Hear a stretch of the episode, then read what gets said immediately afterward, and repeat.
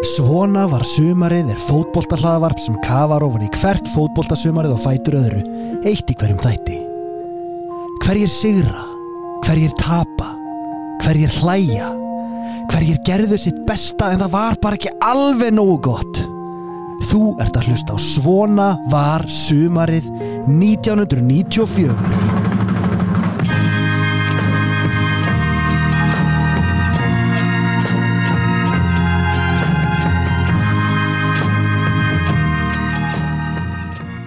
...1994, verið velkominn, blessar ári Hæ hæ.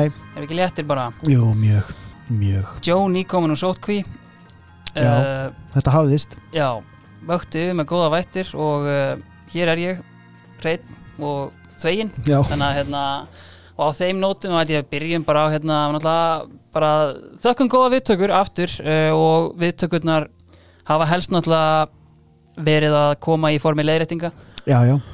Þannig að leiðrættingarhotnið náttúrulega bara lengist og lengist uh, og það er auðvitað í bóði heiðarlegasta bjórs landsins Túle. Þeir eru mennirnir sem að halda uppi heiðarleikanum. Þeir vilja leiðrættingar. Uh, Túle hefur fyllt Íslandi löngu áður en hér var numið land. Þarna Masseus Passas þarna. Já, já, grískin gríski. góði. Já. Og hérna Túle þúsund ár, eitt eiginlega smábrum. Það er það sem ég syng alltaf. Já. Sko, Hjörvar henda á mig línu og pillu. Uh, Peter Smækkel, hann embraceaði ekki backpass law reglubreitinguna Nei. um, veist, eh, svo sem ekkert meira um það að segja um, kaupum það bara hjá Já, já. Gummi Torfa, ég sagði hann hefði skorað 19 mörg 1986 uh, en það gerðist 85 eða var það að sagði ég öfugt. Þú 85, sagðir 85, ég sagði sko. 85 og það gerðist 86 Já, já, en ég meina þetta eru lítil og stór, við viljum bara heyra þetta já, já, við þurfum að já, heyra klárt mál uh, Branislav Dimitrevits hann er ekki markmaður uh, Pappans vúk. Já, já, já. hann var hérna á miðjumar og stórgóður miðjumar uh, ég er mitt hérna handbóltamæður Já, í handbólta og hérna fekk þetta mitt frá lögmanninum og fyrrum varnabuffin í handbólta Einari Baldin Átna sinni, hann má hafa bestu þakkir fyrir þessa leiðrættingu uh, ég fóð sérna á stúfana og leiðrætti þig, eða leiðrætti ekkert ég er bara svona kláraði þessa steinavelti sem þú tókst Antoni Karl Gregori, hann á íslenska móður Já, þannig að veist, það er bara klárt mál. Við vorum á grensunni þar sko með eitthvað svona útlendingahattur í minni orðræðu. Ég vil bara, veist, að það sé á var hérna það er bara að vera að velta steinum. Allir, léttir með þetta svo sem sko. Herbert Gregory, það er pappans Ok, kanni en íslensk móðir og veist, ekkert, ekkert að pæli þar. Sko það var hérna, mesta sorgin var sennilega hjá mínu manni Nathan úr Keflavík þegar hérna, ég tilkynnti það að maðurinn sem hefði sett uh, Valur Ía 1991 leikin hefði sennilega verið skagamæður. Ja, pappans Nathans uh, Mummi Good, uh, YouTube legend og hann er ekki skagamæður, hann er keflíkingur það leiðrættist hér með uh, ég var samt svona aðalega veist, að tala um þetta því að mér langaði að að rósa skagamönnum fyrir þeirra YouTube dæmi því að þú veist bara ef þú ætlar að finna eitthvað gamalt myndefni þá kemur það eiginlega bara frá skaganum skagin hefur upplótað svona þúsund highlights bara af öllu bara frá því neti komið på skaga hafa þið bara leið Já, bara, í þessu. þetta er algjörlega geggja og fleiri lið verða að fara að skoða aðeins í kjallarannu sínum og fara að færa þessar Vaffa og S-bólur yfir á gott format. Já. Það eru að lokum uh, það er oft talað um Dino Wonderland á Selfossi, það er bara ekki rétt. Það er Dan Wonderland og það er á hlýðarenda hjá KH. Hallgrímur Dan Danielsson, þjálfari KH, hann tilkynnti mér að stuðlakerfi KSI það er hætt, það hætti 2017 Ok, uh, eftirminnilega Rúnar Kristins og Pétur Artós leiknismennir verðmætastir 93, eru þá að komið hvetjum ykkur eindreið til að halda áfram uh, í búið túle að henda okkur góðum leiðréttingum. Uh, fleira var það ekki 94 sko, þú veist ég er þryggjára, út fjagur ára. Okkur minningar hérna frá þessu ári? Já, það er nú eitthvað sko. Það er Mhm. hérna, Er þetta hólaborgarna það? nei, ég er, ég er á Hraunborginni sko. Já, og kynnist þar mörgum af mínum bestu vinnum í dag. Mm, Sko, ég, ég dætti þáttin hans Gulla, ég meina Gulli er náttúrulega hérna, árið er podcasti, það er Mm. helviti mikilvægt fyrir okkur að heyra svona þessi ár sem að við erum ekki með fullu fem, við, við erum bara ungir. Mm og þar var farið yfir bíómyndir. Ok. Og hérna og voru tvær myndir sem voru nefndar. Mm og um leið og ég heyrði nöfnin á þeim -hmm. þá fekk ég svona flashback. Og Ok. það, það er eiginlega greinilegt að ég hef séð báður þessar myndir á einhverjum svona viðkvæmum aldri. Já, það eru tvær senur sem poppa upp í hausinn. Þetta eru myndirna sem Emil og Skundi eða skýja höllina hvað hún hétt og svo er þetta bíódagar. Já, þetta eru tvær svona stærstu myndirna þetta ár. Já. Og sko í, í Emil og Skunda er senan þegar það er verið að ala upp kolpin einhvern veginn með því að nutta trínin hans upp úr einhverjum pissin hans eða eitthvað svona. Þetta, þetta, svona, þetta, festist. En ég held að ég hafi séð mína fyrstu kynlífsenu mm. í bíódagamyndinni, allt of ungur. Rikk, rikk, rikk, rektan út og inn Svona ég, gerir pappið þinn með tíu tonna titlingin ég, ég man ekki meira Já, þetta en bara þetta er- gæja að hjakkast undir einhverju sæng sko. Nei, ég er sko búin að, ég fann hérna Fyrst þú nefndir þetta sko, fann ég hérna Mitt eftir að þessi aðri úr bíódögum Við skulum aðeins hérna heyra í Pálma Gest sinni Hótelstýran maður að koma upp. Hvað hún gerir þegar ég kom upp? Hún hátta sig úr öllum fötunum. Hátta sig úr öllum Og hvað fötunum gerir þú þá? Hann bara Bara tala ekki reyðinni. Maður sjá Bara reyðinni. hann bara reyðinni og það er svona á þeim nótum sem við erum hérna í þessum tíðaranda sko. ég fór og sótti mikið í bjeblað pressunar pressan var svona hérna bara eins og hann er í dag kannski hérna leiðandi svona í þessum viðkvæmi málum sem að má ekkert Já, já, og hérna tagline bjeblaðs pressunar eru þetta skemmtanir menning listir fólk og kynlíf og á þeim nótum þá hérna er náttúrulega kannski tvær greinar sem standu upp úr. Hann ás vegar greinin 17 leiðir til þess að ná sér í kettlingu. Um, Já, eða veist, jú, jú uh, Leið nýju eiga ekki fyrir bíl heim. Já, veist, þetta er, afskaplega óþægileg grein já, og veist, hérna, kannski förum ekkert eitthvað mikið nánar út í þetta. Nei, og hérna láta hann að halda á sér þetta róni þarna reynir á sálfræðina Ég, ég, á, veist, ok. Já, Eh, láta bjarga sér. En síðan var náttúrulega önnur svona og veist, varandi hennan tíðranda og hvað er heitt og hvað er ekki að það er sem sagt pressan rankar þarna hvað, 25 bestu elskhuga Íslands, Kallkins ok, og uh, ég var eiginlega að vona að þetta væri veist, reynslusögu grein sko en hérna í ljós kom að svo var ekki, þetta var eitthvað 500 orða grein um, bara þú veist, um kynlíf og eitthvað og hvað gerir góðan elsku og þarna kennst einn knaspundumæður á blað. Og það er að sjálfsögðu Viljum Þór Þórsson. Hæstvirtur. Já, shit, þingmaðurinn að hann hérna gefur hann góðan? Já, það er allavega það sem að pressa vildi meina þetta 1994 kemur ekki á óvart sko. Nei, við erum, er þetta er grein áru. Já, og þetta, þetta er 94 ári, er greinlega svona villum era, sko, þarna er hérna þú veist, það er, það er það er harða, svarta hár svona, og veist, masculine hérna, menn og veist, þetta er svolítið stemmingi sem við erum í.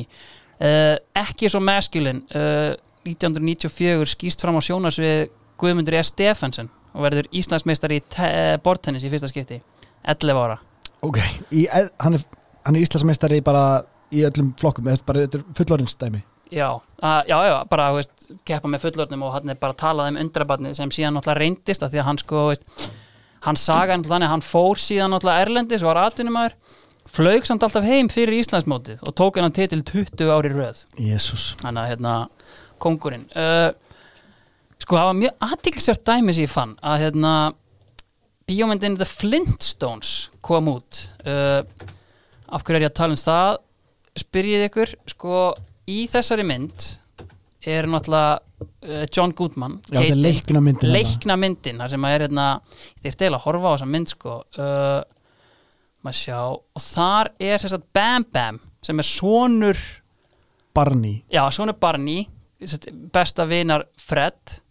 Hann er leikinn af sko bara eitthvað Sigga og Marino bara eitthvað tveimur Íslendingum. Ok, uh, bara eitthvað smábönni Já, bara tvíburar voru fjagur ára, voru bara í bandaríkjunum og, og fóru bara í pröfu og, og neldu þetta. Þannig að viðtal, fann viðtal við fjölskylduna þeirra og fann þessa menn og ég, úst, alveg stólu með hvað það hétu sko, en hérna, annar hétt Marino sko. Já, og þessi menn eru bara í dag, þú veist, fljúa huldu höfði og lifa bara á vöxtunum af, af því að sko þessi mynd hún halar inn sko á 40 miljóna dollara budgeti 350 miljónir sem að hlýtur að vera nálægt einhverslega meti hjá Já. þetta er Íslandsmet Já, já, í rauninni sko Íslandsmet í box office. box office. Æ, ég, veist, ég kannaði eitthvað aðeins K-19 Já. uh, Sorgarsaga uh, það var ekki neitt sko kontraband þarna, já, já, já. Veist, það gerði ekki neitt sko þetta er bara langt mesta sem ég fann það er hérna The Meg sem er hérna The Meg, The Meg, hákallamynd sem að Ólafur Darri lék eitthvað vísindamann í pósterið á þessu lítur út eins og einhver svona B Netflix þetta er algjör box office típa sko, af eitthvað svona hákalla mynd þetta er, hún er potið með eitthvað slatta hún gæti verið þarna. En svo er sko Herri, hún því miður sprengir okkur out of the water 530 miljonir já, svo ja, er, hún er miklu dýrari. Hún er miklu já, dýrari. ok, ok, þetta er svona- hlutfallslegur hlutfallslegt, já. já, Íslandsmet, klárt mál. En svo er náttúrulega líka sko eitt sem að mér er dætt í hún núna hérna uh, var ekki yngvar í hérna Harry Potter hérna? Oh, fuck off, jú, það er alltaf hlýtur að vera. Fantastic Beasts. Já, já, tvö. Nummer tvö. Ég er ekki svona að fletta þetta er pottit með einhverja hellaðar tölur sko. Herri, uh, þannig það var náttúrulega hérna, stórt fyrir okkar menn. Já. uh, síðan er náttúrulega ótrúlegt dæmi sem gerðist í Hollandi. Uh, ég ætla bara að lesa þetta fyrir því sem ég fann í einum stúf uh, nei, ég ætla ekki að lesa, ég ætla bara að segja það frá því Já. sko, Arnar Gunnlaugsson er þarna náttúrulega í Feyenoord uh, hann er ekki á þeim stað sem hann myndi vilja vera sem knaspindumæður en hann hins vegar fæði bóð í sjónvasþátt eða einhvers slags svona þú veist, soccer AM Já. dæmi þar sem að er basically spilað one on one í einhverju svona, þú veist, bara einn úr hverju liði eða whatever sko eitthvað svona götubolti eitthvað ég, svona ég, ég hef því miður ekki fundið neitt myndið og reyndi að heyra í Arnari en bara náði ekki í hann sko. En veist, þetta er bara einn á móti einum í knattspinnu sagði D.F. og hérna, þetta er bara í National Television í Hollandi og Arnar kemst í úrslita leikin þar sem hann tapar 3-2 fyrir Edgar Davids. Shit sem er bara það í nægjölisingu að sína á eða- kloppamenn Þetta er svona ultimate fyrsti trickster hérna, auglýsingagæin og hann augljós, eða 3-2 þú veist, og ég minnir að D.A. hafi sagt Arnar átti svona fín færi og það var alveg í séns þarna sko. Þannig að hérna, þetta er rosalegt sko, og, og bara sorglegt að finna ekki myndefni af þessu og hérna, við þurfum að fá hann til að rifið upp í tækjafæri að bara heyra í einhverjum hollendingum að fá þetta sko. já, Erðu, uh, já, uh, ég fenn hérna kvót sko, tvíburarnir þóttu hafa sérkennandi útlit sem myndið aldrei á neandertalsmann. Er það margt að það? Nei, nei, Flintstones tvíburarnir allan Erðu, uh, hvað erum við meira hérna? Uh, sko, kom fram að í ljós, kom í ljós að þegar Sigurður Jónsson kemur aftur upp á skagan þá þá var annar leikmaður Arsenal sem bara, herði, þetta er geðveik hugmynd. Sign me up. Andy Cole. Ha, Andy Cole var bara vist hérna sekundum frá því bara að hoppa upp í flugvél með Sigga Jóns upp á Skaga og spila með Skaganum og að viðtal við Sigga um þetta já ég sagði nú bara að þetta væri algjör þvæla þannig að bara, það er Sigga Jóns að þakka basically bara að hérna, Andy Cole er ekki bara ennþá hérna bara eins og Dino Hotsis bara eitthvað að vinna vellinum já en hérna en hvað er hann gamall hann, Andy Cole? Andy Cole 18, er 19 örugglega- eitthvað. já, já, hann er þetta er áður en hann fer til Newcastle já, og já, slæri já, gegn þú veist, ég meina 91 eða 2 þá er hann örgulega bara 20 eða eitthvað shit, Já, hann er hann bara eitthvað að bastla í Newcastle? Hvort ef hann fór sko í Bristol í millitíðinu eitthvað svoleiðis? Og hérna, já, síðan springur þetta hjá hann. Hann, hann valdi örgulega Bristol í staðin fyrir Ía og the rest is history. Herði, uh, þetta er svolítið svona stemmingin sem við erum í. Uh, Ert þú með eitthvað meira eða? Já, Listir og menningu, minna, minna kynlíf, takk. Þú, þú getur rétt ímyndað þér hvaða menningu ég fór í. Ég er náttúrulega þarf alltaf að kíkja á Eurovisioni Já, og já, já, ég, ég er svona hérna, þetta, þetta 94 ár þetta er svolítið hápunkturinn á, á stjórnar tímabilinu sko. ok það er þarna lag sem að vinnur undakefnina nætur og þetta er sama lagahöfundateimi og neyja já sem við töluðum um í 92 Hver syngur þetta eiginlega? það er hérna Sigrún Eva sem var er nokkuð merkilegt Já. Sigrún Eva sem er annar helmingurinn af dúónu Hart og Hart sem syngur neyjaði á er að syngja þetta lag nætur í, í hérna undakefninu og vinnur. Ok, lagið eftir Steppa Hilmas og Friðrik Kall sem voru sem hérna og gerði hitt. Síðan var bara það hann Dominos Trio sem var reyndir að tróða inn í Já, já, það var það. ok, með svo forti og sálin já, collab næsta mál Já, og svo þegar þeir eru búin að vinna þessu undakefni þá hóa þau í einhvern, einhvern rugglaðan útsetjara frá Írlandi. Írland er að vinna hverja einustu júru sem kefni á þessum tíma. já, rétt. Nú ætlum við bara að vinna þetta og við skiptum út Sigrunöfu fyrir hinn helmingin á Hart og Hart, Sigur Beinteins. Gæðu spór Sigur Beinteins líka? Já, já, hún, er, hún á öll okkar bestu lögi í þessari kefni en hún hérna, henni er skiptatinn og er með þetta geggjaðalag Má ég spila þetta? Spila þetta, fyrir mér er þetta sko heimsmæli hverði Er þetta lagið? Þetta lagið. Ég er svona haldið í að syngja ekki með sko. Já. Ok, Þetta er ruggla og sko það er moment í þessu lagi. Þetta er ruggla, já, ok. Það er moment í þessu lagi á svona mínútu tvö eða eitthvað. Já, Þá fer hún í einhvern gýr Hún Ok. fer í einhvern ham. Hún byrjar að læða inn einhverjum setningum Og svo bara neglir hún í einhverja svona beintin í viðlagið aftur. Þarna.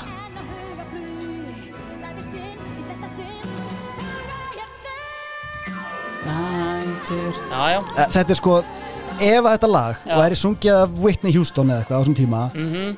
þá er þetta global hit Já, ég skil alveg hvað að fara Já, Þetta er bara hérna, þetta væri bara á This is Whitney Houston playlistanum á Spotify og þetta væri eitt af þessum perlum ok, já, já en held ég sko Já. svo kom í ljósa sko þetta er til á ennsku þetta lag sko Ok. þeir, þeir þýttu þetta og það var bara svo mikil hráka smíð þessi enski texti að það er því miður bara rámt hjá mér að þetta væri einhver, einhver global hittari þannig að svona. Það skiptir máli að vanda til verka þegar þú ætlar að gera sko enska textan við, við svona lög. Já, en heldur að sé einhver punktur að Sigga Beintins að bara ekki geta það sungið á ennsku eins og, Í, nei, mér fannst, mér, mér fannst framburðurinn bara fín sko, þetta er bara spurning um eitthvað svona. Til dæmis bara hérna Nína, já. Þar negla menn ennska Það textan Það þar, þar sko, þar er verið að vanda til verka. byrju, veist, það eru svona þessar línur sem að eru Nína okkur Íslendingum mjög hjartfólgnar í nínulæginu sem allir syngja með. Þeir ná bara þýða þetta vel og hvað er þetta? Ensku framburður á Nína. Nína. Fyrir maður sér Steppa Hilmar? Já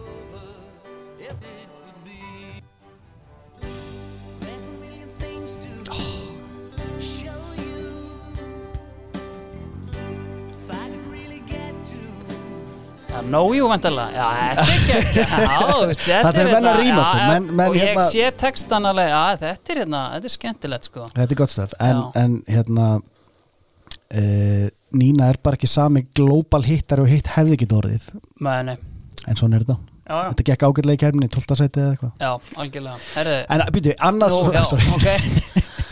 Annars sem að, hérna, sem að ég fannst mjög áhugavert þetta ár. Ok.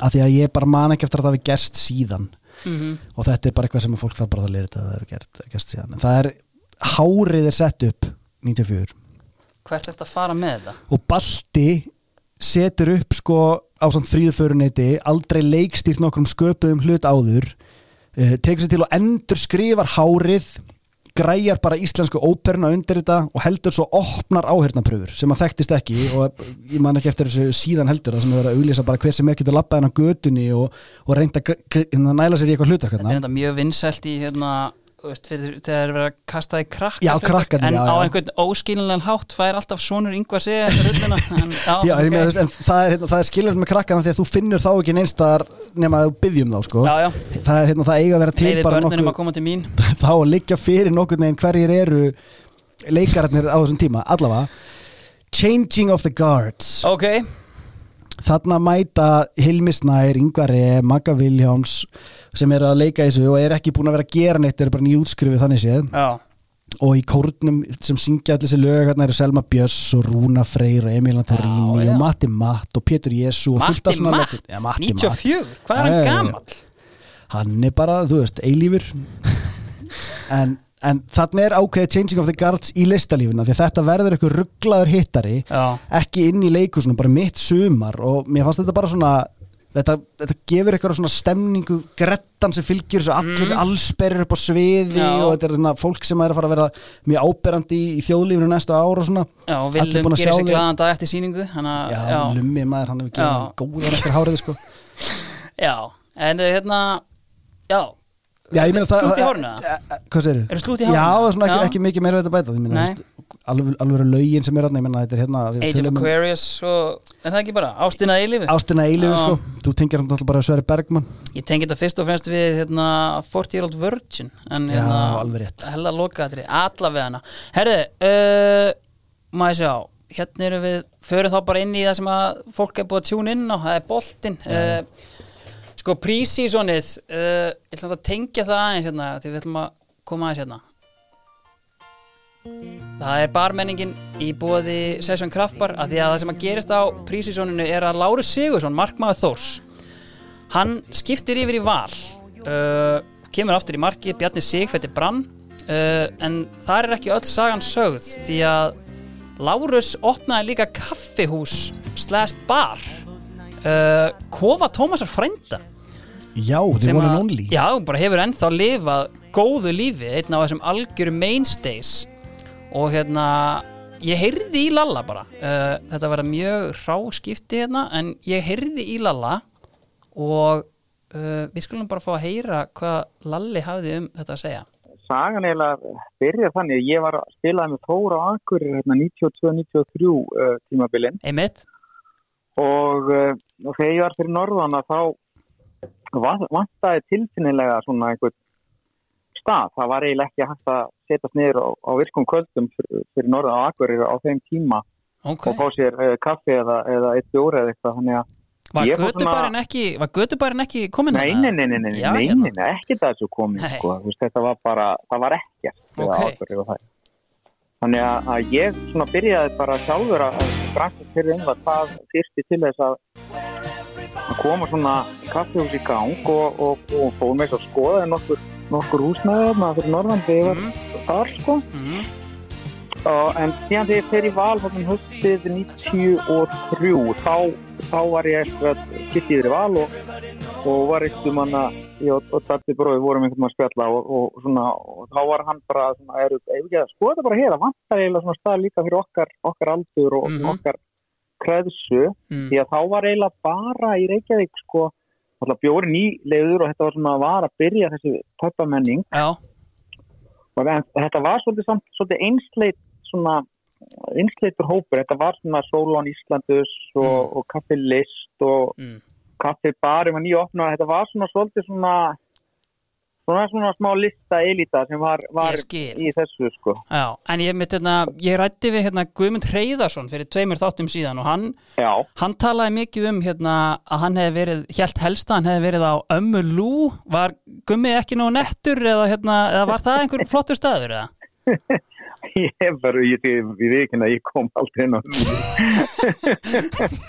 bara við vikina það. Já, en ég var svona ekki mikið á svona skemmtistöðunum á þessu tíma út af bara maður í íþróttum og svona en En við, við ákveðum sem að fara í þetta uh, sagt, uh, og, og þetta var í rauninni bara kjötbúð í gamla daga sko. Ég, þegar ég, ég var ungu maður sko, að vinna hjá AFA í, og skólast í tvö í Bókabal og Blöndal þá, þá var ég sendur út til Tómas þá heit þetta kjötbúðsum Tómas og Guðmundssonar Já. og, og ég var alltaf sendur í hátteginu sem gutti að ná í háttegismat sko. Ok, og þaðan er rauninni kemur Tómasonarni sko. Síðan já. breytist í kjö, kjötbúð Pétus og var það í mörg ár já, En þegar við, við leiðum þetta þá var þetta tónt og Kjöp og Pétur var hægt og við að svona halda í þetta Tómasarnafn og, og síðan var þetta svona, já, var þetta uh, nafn til og við slóum til og leiðum þetta og, og, og flötum fórundur okkar, ég veit nú ekki hvað þau voru að spá að leiða okkur að gera þetta sko á þessum aldri.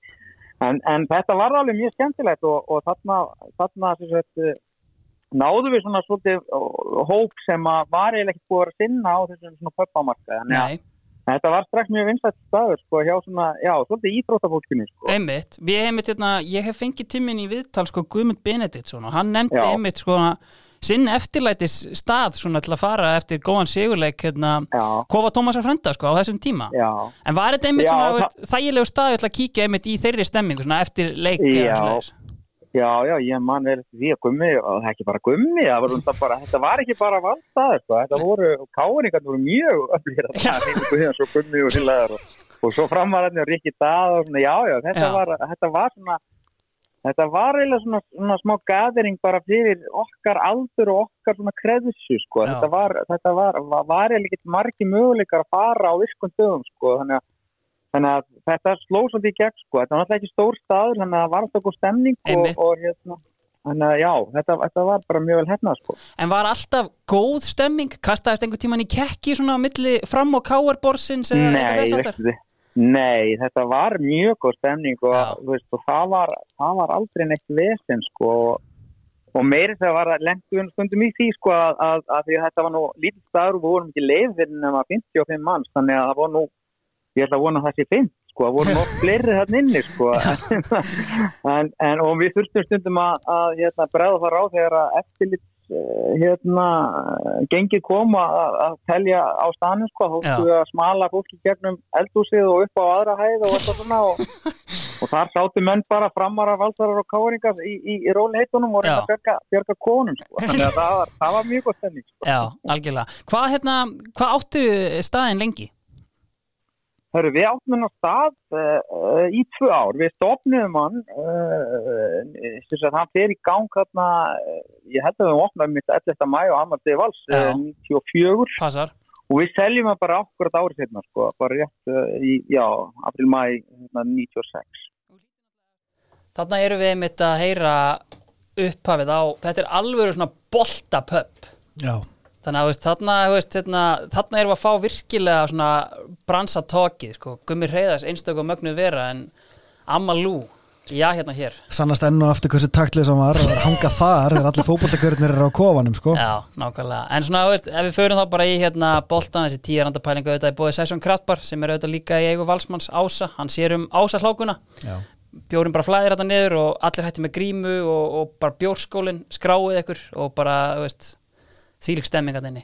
Ef við byrjum bara, veist, ég meina eins og ég kom inn á, Valur fær Lalla í marki, Bjarni Sig, Fetti Brann Kitty Björns uh, ekki, Kristinn Björnsson skíðamaður frá Dalvík, hann, uh, hann heldur áfram með lið uh, og þarna kemur rauninni að sem ég talaði um sko, veist, í, í síðasta þætti sko. Guðni var á leiðinni heim, kom ekki hann kom núna, Ok. núna bara hérna sagði hann við uh, hvort það var Rossi Ardiles sem er að þjála tóttinam bara, þetta er komið gott ég er líka degi í bakinu og mér langar að vera lögfræðingur. Ég ætla að koma aðeins heim. heim. Hann kom heim og það var stórt uh, fengum síðan uh, uh, Alli Helgason kom frá Viking uh, síðan kom uh, uh, Einar Birgisson kom.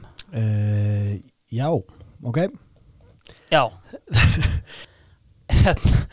Antoni, en sko þeir mistu líka slatta sko, Antoni Karl Gregory hann hérna hann fór til bót og glimt, seldur þangað. Sævari Leonard, hann hætti.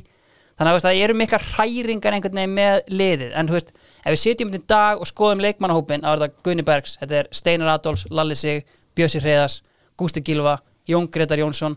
Og ég er náttúrulega auðvitað að gleyma kannski þá viljandi rúsinunni í pilsuendanum sem er auðvitað fyrsti meðlimurinn í Dominos tríónu uh, Dominos tríó er auðvitað þrjára bestu pítsunum á matseli á 1890 Já, já. uh, þú veist, við þekkjum þetta þetta er bara besta tilbúið í matargeiranum í dag. Uh, Dominos stoltur styrtaræðli uh, og fyrsti maðurinn í tríónu er auðvitað okkar allra besti, Eður Smári Guðjónsson. Árið er 1994 þarna er hann að, hann á ammali seinta árinu, hann er að verða 16 ára, hann er 15 ára þetta tímabil Hann er Eh, 78 mótil Já, hann er 78 mótil. Ég spurði aðeins Lalla bara út í hérna eðsmára og hvernig hann hefði verið. Skulum kannski bara aðeins hérna fá að heyra það. Var hann bara stjarnarleysins bara og bara með veist, þetta respekt frá leikmönnum strax? Sko, þú veist, það er nú, það, það er nú svolítið merkilegt, sko, hann kemur hann inn í hópin til, já, svona rétt svona tilfæla fyrir mót, sko, hann var- var nú ekkert allt, ég minni nú að hann ekki verið með okkur allt undirbúinstempil, en sko, mál, máli með hann smára, sko, hann, hann sko kemur inn og hann náttúrulega öðlast bara virðingu leikmanna út af uh, hæfileikum og, og getu í, í sko á æfingum Mm hann var alveg ótrúlega bráðfroska, bæði líkanlega Einmitt. og andlega uh, uh, í verkefnið -hmm.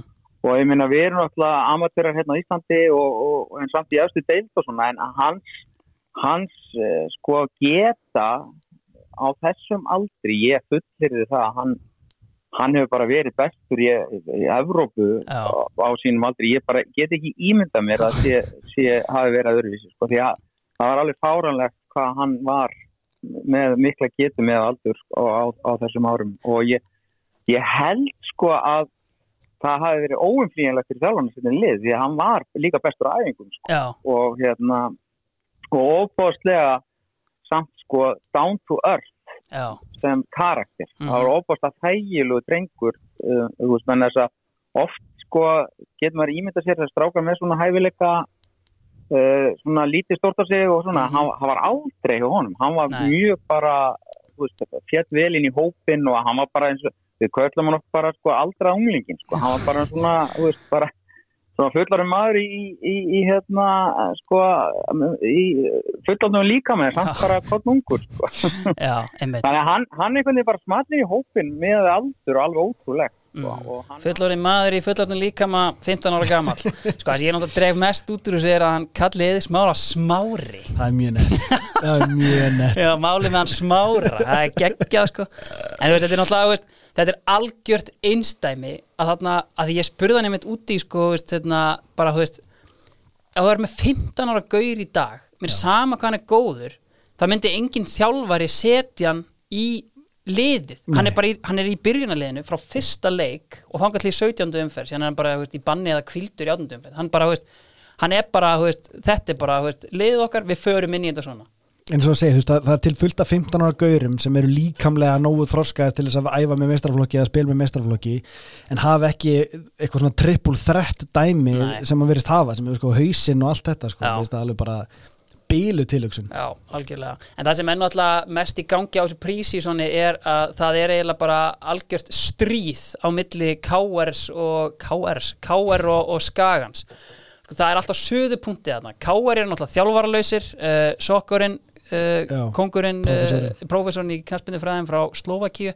Hann er farin, Janus Guðlas að klára tímabilið, hann kom til greina, aðri sem kom til greina, Lói auðvitað. þarna með kvennalandslið og búin að vera með fram í handbóltanum þetta og síðan auðvitað Gauji. Og hérna ég hérna, ég heyrði Gauja uh, spurði hann aðeins út í þetta. Guðjón, veltum steinum hvað hérna, veist, hvað var svona vendipunkturinn á að fóst í á að fóst í hérna Káar og Guðjón hafði þetta að segja var náttúrulega við K.R. sko, ég var búinn að vinna þarna tvöfald með skaganum Mhm. og vorum konið inn í Európu og tók við liðin í B-dild og á þreymur árum var ég búinn að gera það að vinna, vinna B-dildina, vinna A-dildina og vinna svo tvöfald mm. og standa okkur í Európa-kefni. Það var þannig að ég leita á K.R. vettvangin bara sem nýja áskorun. Nýja áskorun uh, Hóvær. Já, en þetta er hins vegar það sem að Þegar ég kom og sko, hvað er ég að gera hérna á tökunum?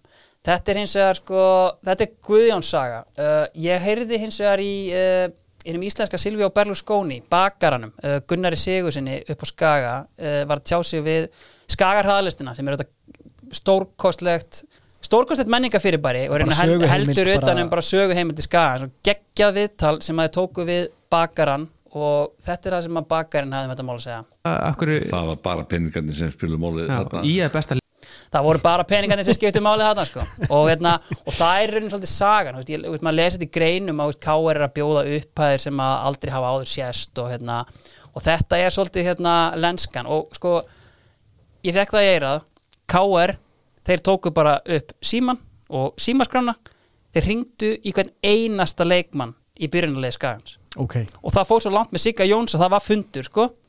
En þú veist á endanum er það bara Stjáni Finnboa sem að fer yfir, já. fer í marki á Káir sem er svona skiljanlegt, hann er Káiringur já, þannig að þú veist, fyrirgifið það allan daginn, en þú veist þetta er bara málið, þú veist, Káir þú veist, eru alltaf að leita að þessum titli. Já og nú átti bara að fara hvernig gerum við það? Já. Það er þetta lið sem er búið að vinna tvö ári röð? Tökum alla leikmenn það og veist, bara allir fengu símtal en K.R. nær bara Stjána Fimboa uh, aðri sem þeir ná tekið nýju ungur og efnilegur eigastrákur að flytja í borgina Ok.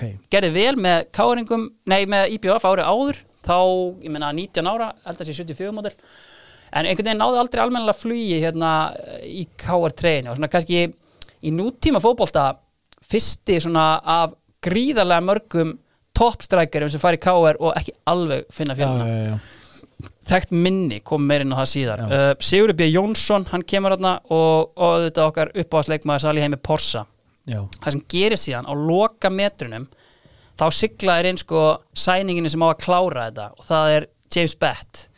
Uh, pappi Baldursbett takk og hérna auðvitað með mikla Íslands tengingu hafði komið fyrst til Vals hérna 78 átti tvo leiki með Val og hann var seldu til Lókera með Arnóri Guðjónsson.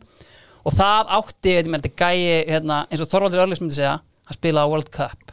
Hvað hva er hann gamall þegar hann er að koma að það? Þetta er alveg hann, hérna er, hann er svona 34 ára. En 78, mér líður svo það sé sko hann var, hann var bara kottnungur þá sko. Ok, okay, hann er fættu 59, hann er 19 ára þegar hann kemur hérna að spila með val og er settur til lókerinn. Og þetta er bara þetta er gaur sem að sko, þú veist, eins og, það er bara nóg að segja að þessi gauð spila á HM uh, veist, Þetta er miðjumaður. já, miðjumæður uh, annað, Alli Eðvaldsson hann fer. Changing of the guards. Uh, hann fer og tekur og verður bara þjálfari þarna hvort hann tekur við HK fær það til dæmis Gunnleif Gunnleifsson rýfur hann í gang úr, úr handbolta. Það kom hann fyrir það og, og það er rauninni kannski glukkin hjá Káir, sko skæin uh, helsta spurningin hjá skaganum er bara, ok, aftur stöndum við frammi fyrir því uh, strækjarinn okkar er farin Já. Þóruður Guðjóns hafði skora 19 mörg tímabili áður, hann er seldur til Bokkum og þeir náttúrulega missa prímus mótorinn sem Gauji er. Uh, þannig að þeir þurfa að replacea hann. Fá inn gamalt skaga legend uh, Hörð Helgason sem var held ég hvort það var fyrsti þjálfarin til að gera lið að tvöföldu meisturinn tvö ári röð, eitthvað svo leiðis Ok, ykkur fyrri skagabilgi já, já, já, já, já, í annari skaga hraðalest heldur en hérna, þarna var Já. komin sko. þannig að hérna, veist, það er svolítið hérna keisi en þú veist, þetta er samt gæði sem ég held hann hafi ekkert verið að þjálfa eitthvað í að hann kemur allan á þetta inn uh, þeir í rauninni kannski fá ekkert, en svona ég myndi segja mesti sigurinn hjá þeim er bara að halda liðinu frá vesturbænum, af því að þú veist Já, já, já. eins og bakarinn sagði þarna í skagarhæðlistinni að þú veist, ég meina, þetta var bara peningandi að þú veist, Það að vera með eitthvað svona gæja í brunni þegar það, sé, það vera að herja á þig sko. Það er krúsjala að einhver gæji geti bara hérna lagt mönnum línurnar. Já, algjörlega og ég veist, eins og ég segi, þú veist pældu í því bara að vera í kauffélaginu upp á skaga, bara að það? Siggi, Siggi Jóns var á fundi í Vesturbæn þú veist, það er ógnandi allt, sko. já, gjörsanlega, en þú veist, þeir halda þessum mönnum. Nema Stjáni Finnbóa fer í káar eins og ég komin á hann. Og í markið kemur létt legend, Þórður Þórðar. Og hann er fyrsti akurinnesingurinn sem er aðal markmaður upp á skaga í átján ár. Ok, sem er kannski svona já, að móli allavega. Uh, og náttúrulega, þú veist, ofan á þetta ég er búin að gleyma, Luka Kostic, hann hætti líka tekur við Grindavík. Þannig að þarna eru bara, þú veist ákveðin svona Hryggjarsúla. farin fyrir utan þessa miðju sem að veist, verður hérna rætt meira Já. í öllum þáttum þannig að þú veist, hvað gera þeir? Uh, þeir í rauninni fá kannski til sín bara eitt leikmann þeir treysta mikið á youth, þannig að koma upp uh, Pálmi Haraldsson uh, aðfinni frægu Sturlaugsætt. HB, Haraldur Böðvarsson og Kó geggjaður, Káristedt Reynisson er að koma þarna upp en þeir fá til sín uh, leikmann nummer tvö í Dominos tríóinu og það er náttúrulega bara sigurverin Soran Milkovic ah, basically serbi út, serbi inn. Fáum hérna inn bara, veist, við þekkjum þetta. Lúka Kostin er búin að vera þetta heil lengi hann er búin að vera þetta upp á skaga en þeir fá inn Soran. Og það er geggju saga sem að okkar besti vinnu Gulli Jóns sagði mér að þeir hefði verið þarna á flugvelli í Kýpur eða einhver anskotin Já. þegar einhver æfingaferð. Og það satt bara einhver maður sem þau heldur að væri útigangsmaður. Að þarna bara, þú veist, eitthvað voru að býja til rútu eða einhver anskoti, ég man ekki nákvæmlega hvernig það var. Og þarna satt bara einhver maður og hann er bara svona semi orðin bara svona aðslátusefni hjá hópnum. Bara, hvað, situr bara þarna aðleit bara eitthvað, ég bara að hann væri sofandi eða eitthvað sko, leit út þess að kolbeitt kaftin í einhverju leðurjakka síðan bara, veist, eru þeir að fara eða eitthvað þá bara kemur Hörður Helgason eða kynningarna fyrir nýja hafsendinum okkar? Og þá er það bara þú veist, þannig að þannig kemur hann inn og menn eru bara svona, hvað er í gangi? Þetta er auðvitað bara birth of a legend hérna í íslensku fótbolta Þetta er ótrúlega karakter. Já, fyrir meira kannski yfir hann uh, síðar á leiðinni en uh, rað sigurveri þannig að veist, ekkert náttúrulega eins og ég pældi kannski í síðasta þætti bara hvernig er að sæna útlending en þú veist, þarna ertu vantarlega bara heldur að kaupa proper gæði sko. Uh, annað sem gerist er að Karl Þórðarsson 39 ára uh, tekur skóna af hillunni það á að vera sko bakarinn sagði í tíðu viðtali við skagarhæðastina flottasti fótboltamæður teknist síða sem Ísland hefur átt en ég menn hann er 39 ára. Hvar fyttar hann inn í þórðar mengi allt saman? hann er ekki, ég upp skoða ættartréð. sko þetta hann er ekki hluti af hérna, þótt, þótt, þótt veldinu sko. Ok, hann er, hann er samt eitthvað tengdur Leo Dagasinni, uh, þeim mikla meistara Já. en hérna, en, og það er meira sér gegn konuna held ég, hann er hérna, nóg um það. En allavega hérna, skæin í nótskuld svo sem það er ekki langt að sækja tengingarnar. Hans faðir er hans móðir var Já. náttúrulega geggja lag sem hann skeiða sín tíma sko, en þú veist, þetta er einmitt málið, það er bara kafað í úlingastarfið uh, þóruðu þóruðan í markið og hérna, Soran kemur inn í vörnina. Önnur lið, sko FH, Hörður Hilmas heldur áfram með lið. Þeir eru bara, veist, þeir eru bara drullu flottir og Sorry, hérna, hva, hvað sagðar að Ía legendi sem var drein og lappin til að þjálfa hafi heitið? Hörður Helgason. Hörður Helgason, Já. ok ja. þannig að hérna, veist, FH svona, veist, styrkir aðeins, þeir missa reyndar Andra Martins. Uh, hann fer í atvinnumennsku til Linn uh, Curveball kemur aftur eftir fimm leiki. Ok, höndlaði bara ekki mennskuna. Allavega, síðan fá þeir hérna úr fram Alla Einarsson sem er svona stabilt veist, hot property hérna gerðardómurinn frægi 2-1 hérna við fram Já. þegar á sínum tíma. Uh, og svona, það er svona helsta sem þeir eru að gera. Nýlegaðir í deildinni uh, það eru stjartan frá Garðabæ. Þeir koma hérna upp og það er kannski svona svolítið hérna ég get bara ljóst að þeir fara, hérna, þeir fara niður aftur uh, og hérna en þeir eru náttúrulega að missa fyrirlegan sinn eftir tvo leiki. En er þetta í fyrsta sinni sögunu sem þeir fara upp? nei, nei, nei, nei, þeir eru búin að vera eitthvað uppi. En þeir, úst, náttúrulega, úst, tveir leikirinn fyrirlegin dettur út bara career ending injury. Ok, Bjarni Benediktsson. Ok, já, bara fyrirliði landsins Já, í rauninni sko. Þannig að hérna, það var, úst, þeir eru rauninni recover og aldrei eftir það, þeir fá tvo stjörnumenn heim sem voru búin að vera í fram létt legend, Ingólfur Ingólfsson og Valdimar Kristoffersson en þeir missa náttúrulega stóran stóran post í Magnúsi Gilvasinni Því, Já, lúðurinn? Já, hann er að spila þarna en Ok. hann ræður sér sem spilandi þjálfara Víkings Ólafsvíkur þar sem hann raðar inn mörgum hann er mitt vann, sá ég á þessu ári 2-on-2 streetball mót með einhverjum félaga sínum. Magnús Gilvason Já, í B-flokki. Sko, ma maður hérna maður svona, það, það er þjálfarar sem hafa verið þjálfarar í okkar tíði fylgjast með fótbolta sem maður veit að áttu ferill veist, og maður svona, þeir bera það með sér. Já, Magnús Gilvason er ekkert endilega einn af þeim sem horfir á og hugsaðar þetta var leikmaður. en ég get sagt þér það Orri, þegar ég var einhvern tímann að æfa í val þá var, veist, við vorum að æfa út um allar trissur og þá var einhvern tímann við hliðin á mér einhver bumbubolti legit bumbubolti. Já. Þar náttúrulega heyrði maður bara að Magnús Gilvason var og hann var að lúðrunum ok, Ja, og, og hann er, veist, hann hefur verið alvöru fótur og hann var, veist, hann, sko, hann á hellinga mörgum, held ég, sko. Hva, hvaðan er hann sem hann er frá leikmaður? Ólasvík, sko. Já, já, auðvitað, hann hafði eitthvað útgerða já, já. en einhvern veginn er orðin eigamæður í dag sem er algjörlega geggja, komum kannski meira en það síðar. En sko þjálfari hérna eigamanna, nei stjörnunar er náttúrulega eigamæður eigamæðurinn gett ekki sem að misti jobbi því að menn gátt ekki skorað 92, Já, sem Sigurlars að- Þorleifsson. Sem að var alltaf að tala um það Já, að, hérna, þeir hefðu sennilega náða að vinna hann að leik ef hann hefði verið frammi. En hérna, hann er allan að þjálfa lið hann hafði komið þeim upp ákveður redemption hjá honum eftir, hérna, eftir dæmið í eigum sko. uh, og eigamenn, þú veist við erum alltaf búin að fara yfir Martin Eyjólfsson. En þeir eru samt að koma inn í mótið sko, þú veist, þeim er spáð lóðrétt niður og núna á það að gerast. Og þegar maður skoða leikmannahópin Já.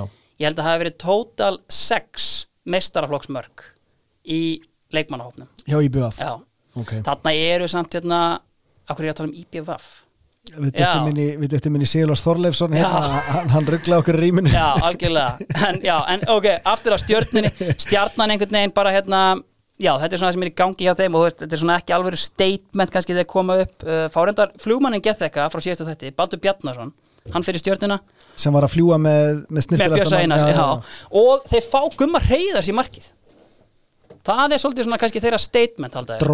Dróa hann út á ömmu Lú. og, og setja hann í marki meira en það rétt strax. Sko blikarnir, þeir fóru upp með landstíðsmannin Arnar Gretas í liðinu þetta með það eru Willum, Kristó Sigurgeirs Karta Klía er í markinu uh, Valsarinn Valur Valsson uh, og þeir fá Einar Pál Tómasson og, og hann er líka ungur Jón Þorgrimur Stefansson Crypto King, nei hann er svona eitthvað Cloud King, Já, já, já. hann tekur til í skíinu uh, framararnir þeirra sorgarsaga í rauninni heldur áfram. Uh, Áskir Sigurvinsson hættir. Kom náttúrulega inn á það í síðasta þætti að hann var bara einn að fýblast eitthvað. Eða veist, hann bara svona eitthvað testa þetta og veist, bara talaði um eitthvað svona sem í listrannan ágreining og hann og Bjarni Jó hætta. Club Legend Martin Gesson Martin, ekki Martin, Martin Gesson tekur við og það sem ég myndi segja væri kannski svona helsta dæmið hjá fram þetta ára, þeir fengu official mascot. Ok, getur eitthvað ímynd, nei ég ætla bara að segja það. Það er sérst refur.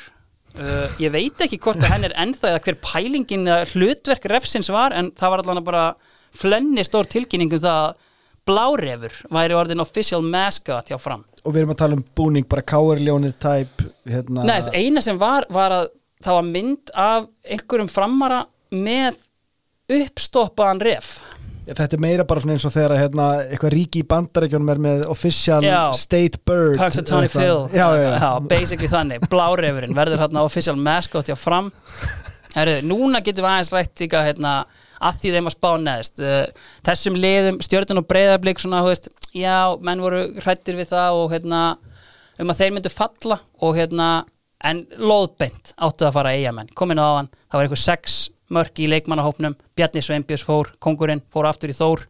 Uh, Ingi Sig fyrir Grindavík teki nýju er farin fá inn þrjá leikmenn. Soran Daniel Ljúbisits mm.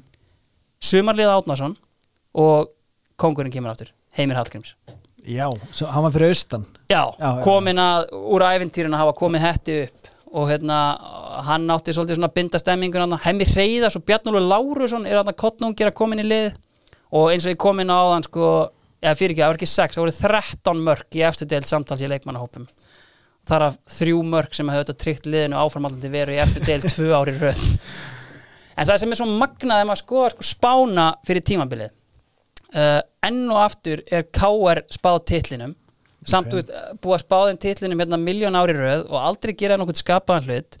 Og þú veist menn hafa bara setið á skaganum sem einhverju bólu. Já, bara, heyrðu, þú veist, núna er þetta hætt. Já, bara glætan að þið geta þetta skipti þeir eru búin að missa aftur að að þú veist, ef maður til þess bara punktu net aftur í tíman, þú veist, þetta eru sko shockingly fá skipti þar sem að, eða ekkert shockingly þar sem að Íslandsmeisturunum er ekki spáð titilvörð, Já, aldrei hefur skaganum hérna verið spáð titli, sko. Þannig að þetta er svona kannski eitthvað einhver tíðarandi sem hefur verið í gangi hérna ef við færum okkur þá bara hérna inn í fyrsta þriðjungin Uh, K.R. koma með mjög gott statement í fyrsta leik, rústa blikum uh, 0-5 uh, allir aðri leikir fóru í aftefli og það er svolítið bara þemað í þessu.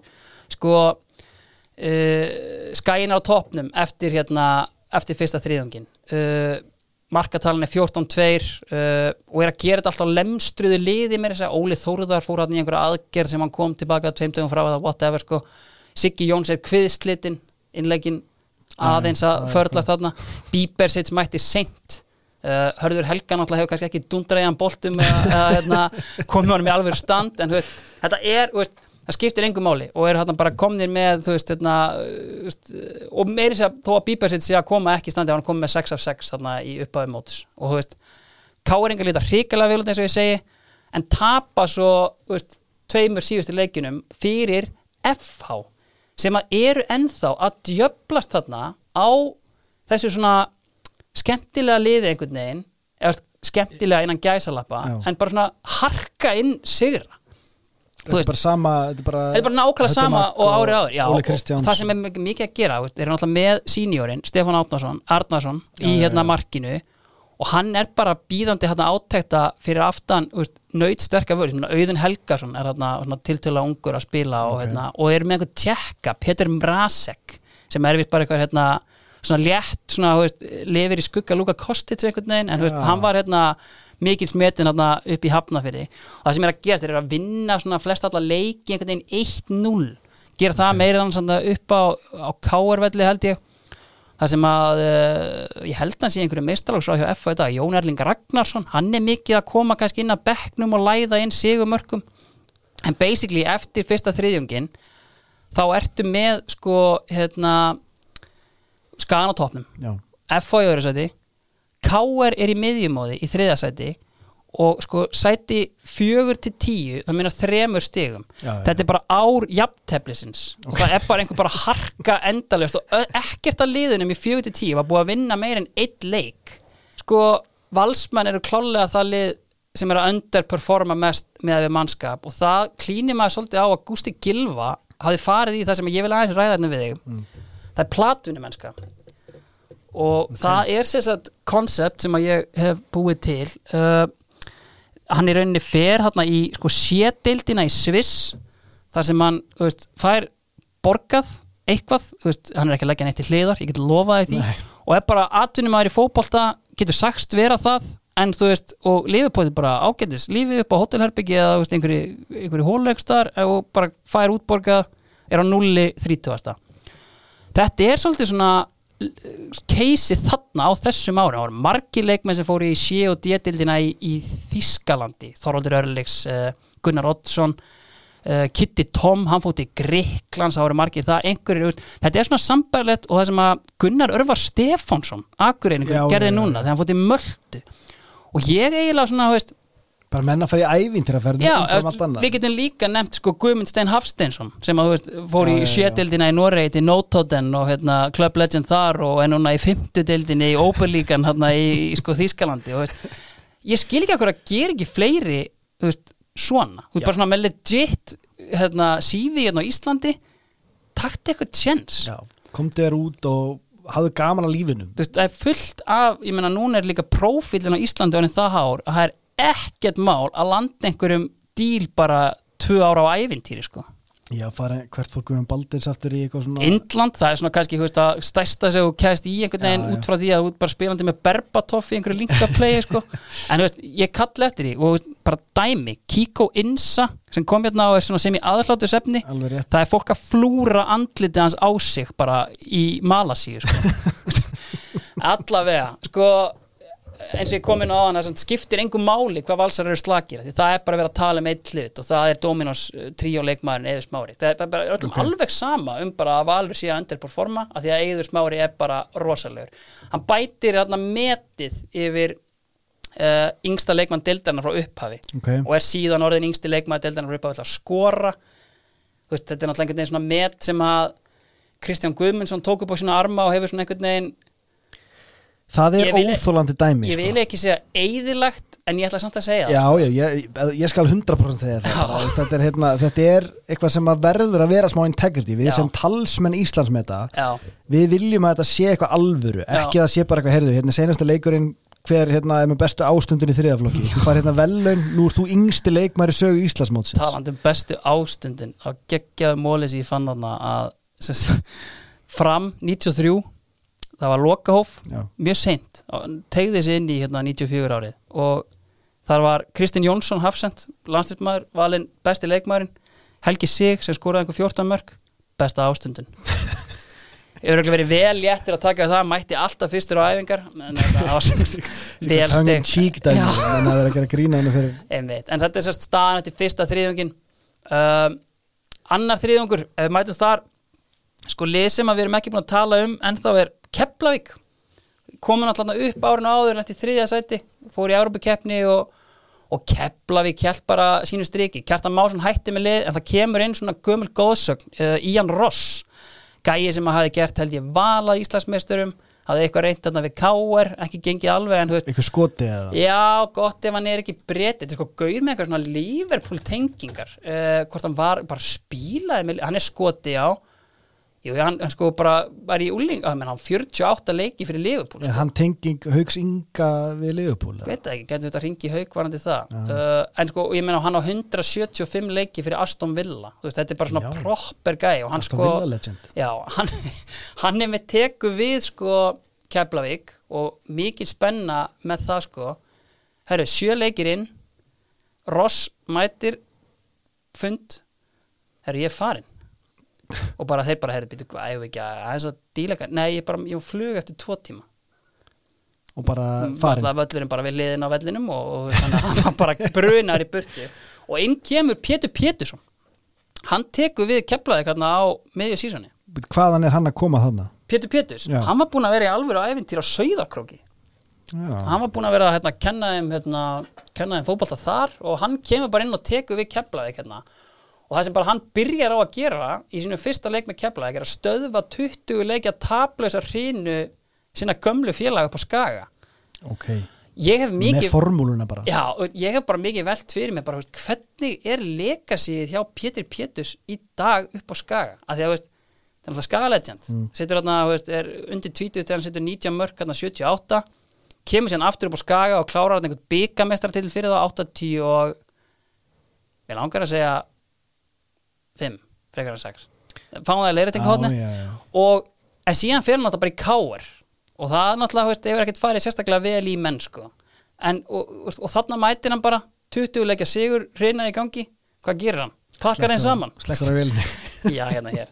En sko Kef uh, Kef fengur náttúrulega hérna Ragga Margers og Óla Gottskálks heim frá hérna þannig að þetta er greinilega bara svona lið á heimamönnum. Já. það er bara bullandi gæði þarna. Uh, Gunnar Oddsson er ennþá hérna bara stjórnandi öllu. Og upp á topp er alveg stormcenter í Óla Þór Magnúsinni svona gaur ef þú sérðan mynda á honum. Hann er líklegur til að vera einhver svona veist, vondi kall svona enforcer. Já. proper bild á þessum gæja Dolph sko. Lundgren bara algjörlega veist, og bara veist, fann einhverja mynd af sagt, hérna, hann endar einmitt hérna, með bronskóin.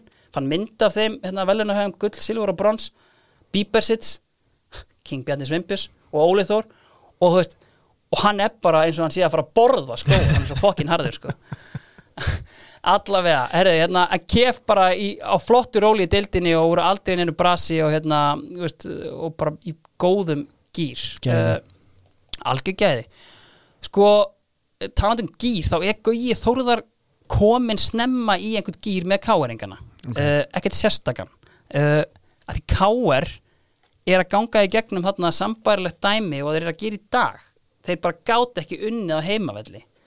Móli káer unn ekki heimaleik frá júni 93 til júli 94 Við erum að tala um bara he heila umferð Þetta er heil umferð af já. fótbolta, það er unni ekki. Það var ekki fyrir en að þið fengu sko hvort það var stjörnumenn eða eitthvað bara veist, fallið, Og þetta er lið sem að báðum, á báðum tímabilinu sem umræðir er spáð sigur Já, þeim er spáð titli. titlinu sko. Já. og er unnu tvo leiki held ég bara á heimavell á þessu tímabili. Og Gauji er hann hann er komin í góð mál fann að banna mönnum að tala við fjölmiðla hans fyrsta skref. Það er bara einhver toxic þrúandi pressa Já. frá þessari stúku þarna sem að bara er ekki hægt að vera basically sko að tala um að koppstúkan sjúi boltan inn í markið. Já, þeir kýla hann í burtu.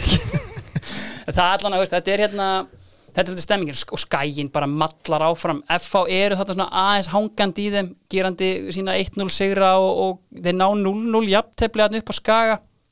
Uh, og hérna ég, sko, meira að segja sko, tíundi leikurinn held ég segi tapa þarna kára heimavelli, það er fyrir blikum ágjöfara hægt. Rústuðu þeim 0-5 í Kópavogi. Já.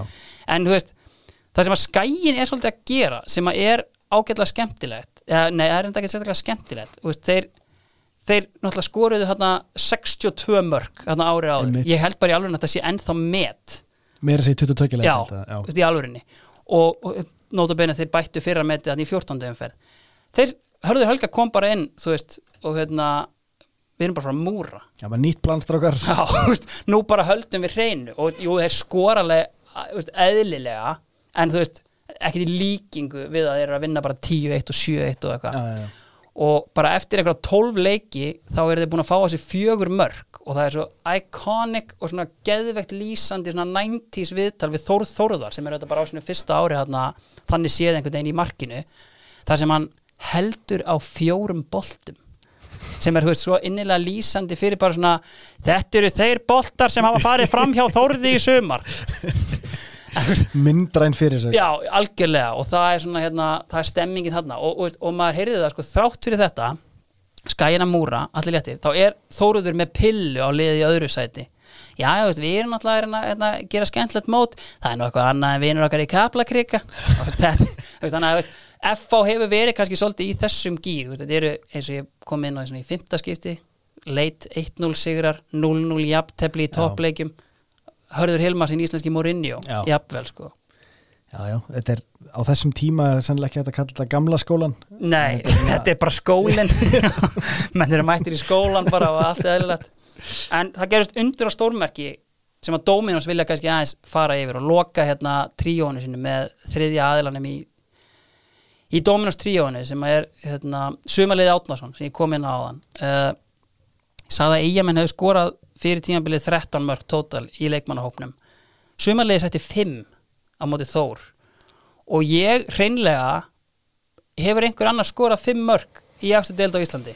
Hmm, Var ekki hérna þegar Bjöggi var elda ah. markametið Nei, ekki markametið heldur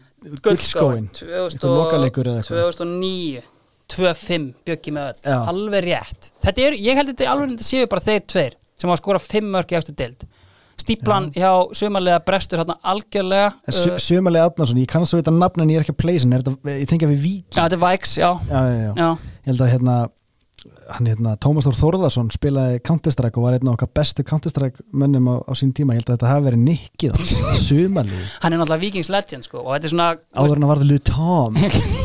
Var það hitni ekki hans? já, ég held að, geggjað, en sko það er Molli. er, já, mjög góður. En þetta er einmitt hérna þeir eru komnir hérna þarna er strax komin nánast helmingurinn af mörkunum hjá þeim fyrir tímabilið en eigamenn eins og komin á hann það var kert á geðveikinni og veist, þeir voru frekar safe hérna, ég held að þeir tapaði rest þarna einhvern veginn undir lokin þegar þetta var alltaf orðið safe sko. en veist, aldrei þannig séð neinn hætta sko. ok þeir þurftu ekki að ringi að í setja sér skikkjuna og síða til ég bjarga held mér þess að Martin Æli með slítið spila þarna, hann var bara veist, mettur af, af, af algjörum gæðum sko. en þetta kemur á móti Þór uh, og ef við komum aðeins inn á Þórslið uh, þeir fengu Bjarnar Sveinbjörns heim Siggi Lár heldur áfram með liðið uh, Ormar Örliks kemur. Hann er pappi, Almars, takk. Bróðir. Uh, Totta, að hann kemur já, pældi því, í Þór. Vá, þetta er ótrúlega þetta er sárt. En hérna allan hann kemur og hann er kannski annað síðustu metrunum sko en þú veist alvöru sæning, Hlinur Birgis alvöru proper hafsend, hann virtist að vera að fara í fram, tóku uppeyju fekk alvöru launahækkun á þorpinu. Já. takk, I'm staying. Grasalan alveg að borga fyrir þetta. En sko hann reynda mittist skömmu fyrir mót og menn voru svolítið að klína þessu á hann. Ég rætti þetta einhvern tíma við gumma ben sko sem var hérna þú veist, talaði svolítið um einmitt þetta þú veist, ef Hlynur Birgis hefði verið með frá upphæð og ég menn þeir eru með Láris Orra þarna líka svon þjálfur hans og bara þú veist, championship legend sko. Og náttúrulega Reva prinsinn snúin aftur sem við nefndum á hann, hérna, Guðmund Benditsson já, hérna, hann mætir hérna bara á svipun tíma og bett og þetta er svona statement einhvern veginn, er þið, veist, þórsarar þeir getur nú hérna, gert eitthvað og farið aftur í svona þær hæðir sem voru hérna 92 en það bara, þú veist, því miður. Þetta er samt ótrúlega skrítið tímabil af sko, sorry, gummi ben snúin aftur hvaðan bara, hans- bara já, já. og- frá því að Mennska. spila ekki neitt bara og slíta crossband þrísvar hérna í þrjú ár bara og hérna hann kemur í framlínuna og er meðsla frýr eiginlega mest allt mótið, spilar þetta einhverja 17 leiki og, og þú veist, ef ekki hefði verið fyrir Good Johnson þá væri GBN sko unga stjarnan, hann var veist að spila frábælega þarna þrátt fyrir, en eins og ég ætla að koma inn á kannski með Þór að þú veist, þeir tapa stórt en síðan vinna þeir líka bara val 4-2 og hvort þeir unnu káer þannig að þetta var rosalega mikið svona, skemmtikraftar mótsins. Já, kannski hægt að kalla það The Entertainers. Uh, það fór náttúrulega að byrta til hjá Val eftir að Gústi snýri úr platunni mennskunni og hérna, þeir svona hérna vippa sér aðeins og eru komnir hérna í smá Evrópubaráttu. Og það sem að vond var fyrir Þór var að blíkar rifu sig í gang uh, þarna vorum við að tala um áðan að hérna, þú veist, þeir töpu aðna 0-5 og þeir voru bara skítapa og þeir voru vallabúnir að vinna leik en þeir rífa sig heldur betur í gang vinna káer í frostaskjólinu og þá fara þeir að salla inn góðum punktum og svona hérna og það viljum gýrar einhverja grettu þarna í Já, það já. og, og það er hérna leggur mönnum sko. þannig að það er svona það sem heldur þessi í gangi uh, markaðistum menn á þessum tímanbúndi Bíbarsits og Bjarni Sveinbjörns. Þannig að þetta er hann segur já, ekkert eðlilega. Og bara svona, þú veist bara gæði sem að ég hafði ekki heyrt um áður en fórum að tala Nei, um þetta og hann er bara sallar já, já, já, og á bara eitt fallegasta og besta landslismann sem við mátt já Þetta þetta, er maður sem þarf að fá jafnvel í, jafnvel í eitthvað símtal setna á, á hérna, rísleðinni uh, ef við færum okkur bara yfir í lokaspretturinn og klæmaksið það er auðvitað í bóði blöðs.is uh, og við bara vísum ykkur áfram á að lappa inn bara á Dalvegi 32B þar sem að kostur var eða þá bara að, hérna Instagramið. Þetta er algjör veistla að fylgjast með Já, meina, þetta er, þetta er eitt besta kontenti sem þú kemst í dag á Instagram. Það er blöss Instagrami, Já. það er bara fræðsla, fróðleikur, skemmtun þetta er allt saman ég er eiginlega nýr maður eftir að hérna, ég fór að kynna mér þetta almennilega og, og veist, hvetjum alla. Já, hver sem er getur stopnað einhverja netverslun og selt einhver tæki Já. en gæði í þjónustu Já. og visku. Það, það, hún er öll þarna. Algjörlega, ef við byrjum þetta kannski bara aðeins á byggarkeppninni og hérna rúlum yfir hana með Jet Black Joe hérna undir uh, Gauji, það er erfitt hjá honum en hann slægir út uh, sína fyrrum félaga uh, í skaganum. 1-0 sigur, Porsa og Dervits alvöru samvinna hana og sko Sali Heimir, þetta er sko veist, ef við værum að búa til sko eitthvað The Icelandic Cup uh, Milk Dream Team Já. þá er bara Porsa er eitt fyrsti maðurinn á blað kann á byggakefni Já, ég meina sko, hann er hérna, í valsliðinu 92 uh, þar leggur hann upp tvö mörk í úsleitaleiknum hann hérna, leggur upp þetta mark á Dervits uh, í þessum, veist, þetta er eiginlega stæsti leika, þetta er sko, K.R. fer svo mikla skýta leið að þessu, basic, er, það er náttúrulega ekki skýta leið að vinna skagan sem er er náttúrulega það ríkjandi fyrstu, er, er það fyrsti stórleikum hvort það er sko hvort það er áttalega úslit frekar en sko 16 leiða af því að þú veist, skítaglotti á Gauja Þórðar eftir leik með sé það bara fyrir já, sko. en það sem er svona svolítið að því að veist, síðan mæta er sko hvort er mæta stjörn nei, við vinna Þór bara mjög basic í, í hérna undanúslitum og hinn undanúslituleikurinn stjarnan Grindavík Grindavík notabene í B-dild stjarnan neðsta lið í A-dild Já. þetta er svolítið kannski svona eins og FA Cup hérna 2008 þegar Portsmouth unni og bara eitthvað rest og rust þarna Millwall Cardiff í hinu leiknum eða eitthvað. En sko veist, þeir fara inn í nústileik og eh, leið Grindavíkur er náttúrulega lasin hins vegar sko. Þeir slá út FH í 16 leikúslitum Hörð Helgason, hinn íslenska Mourinho.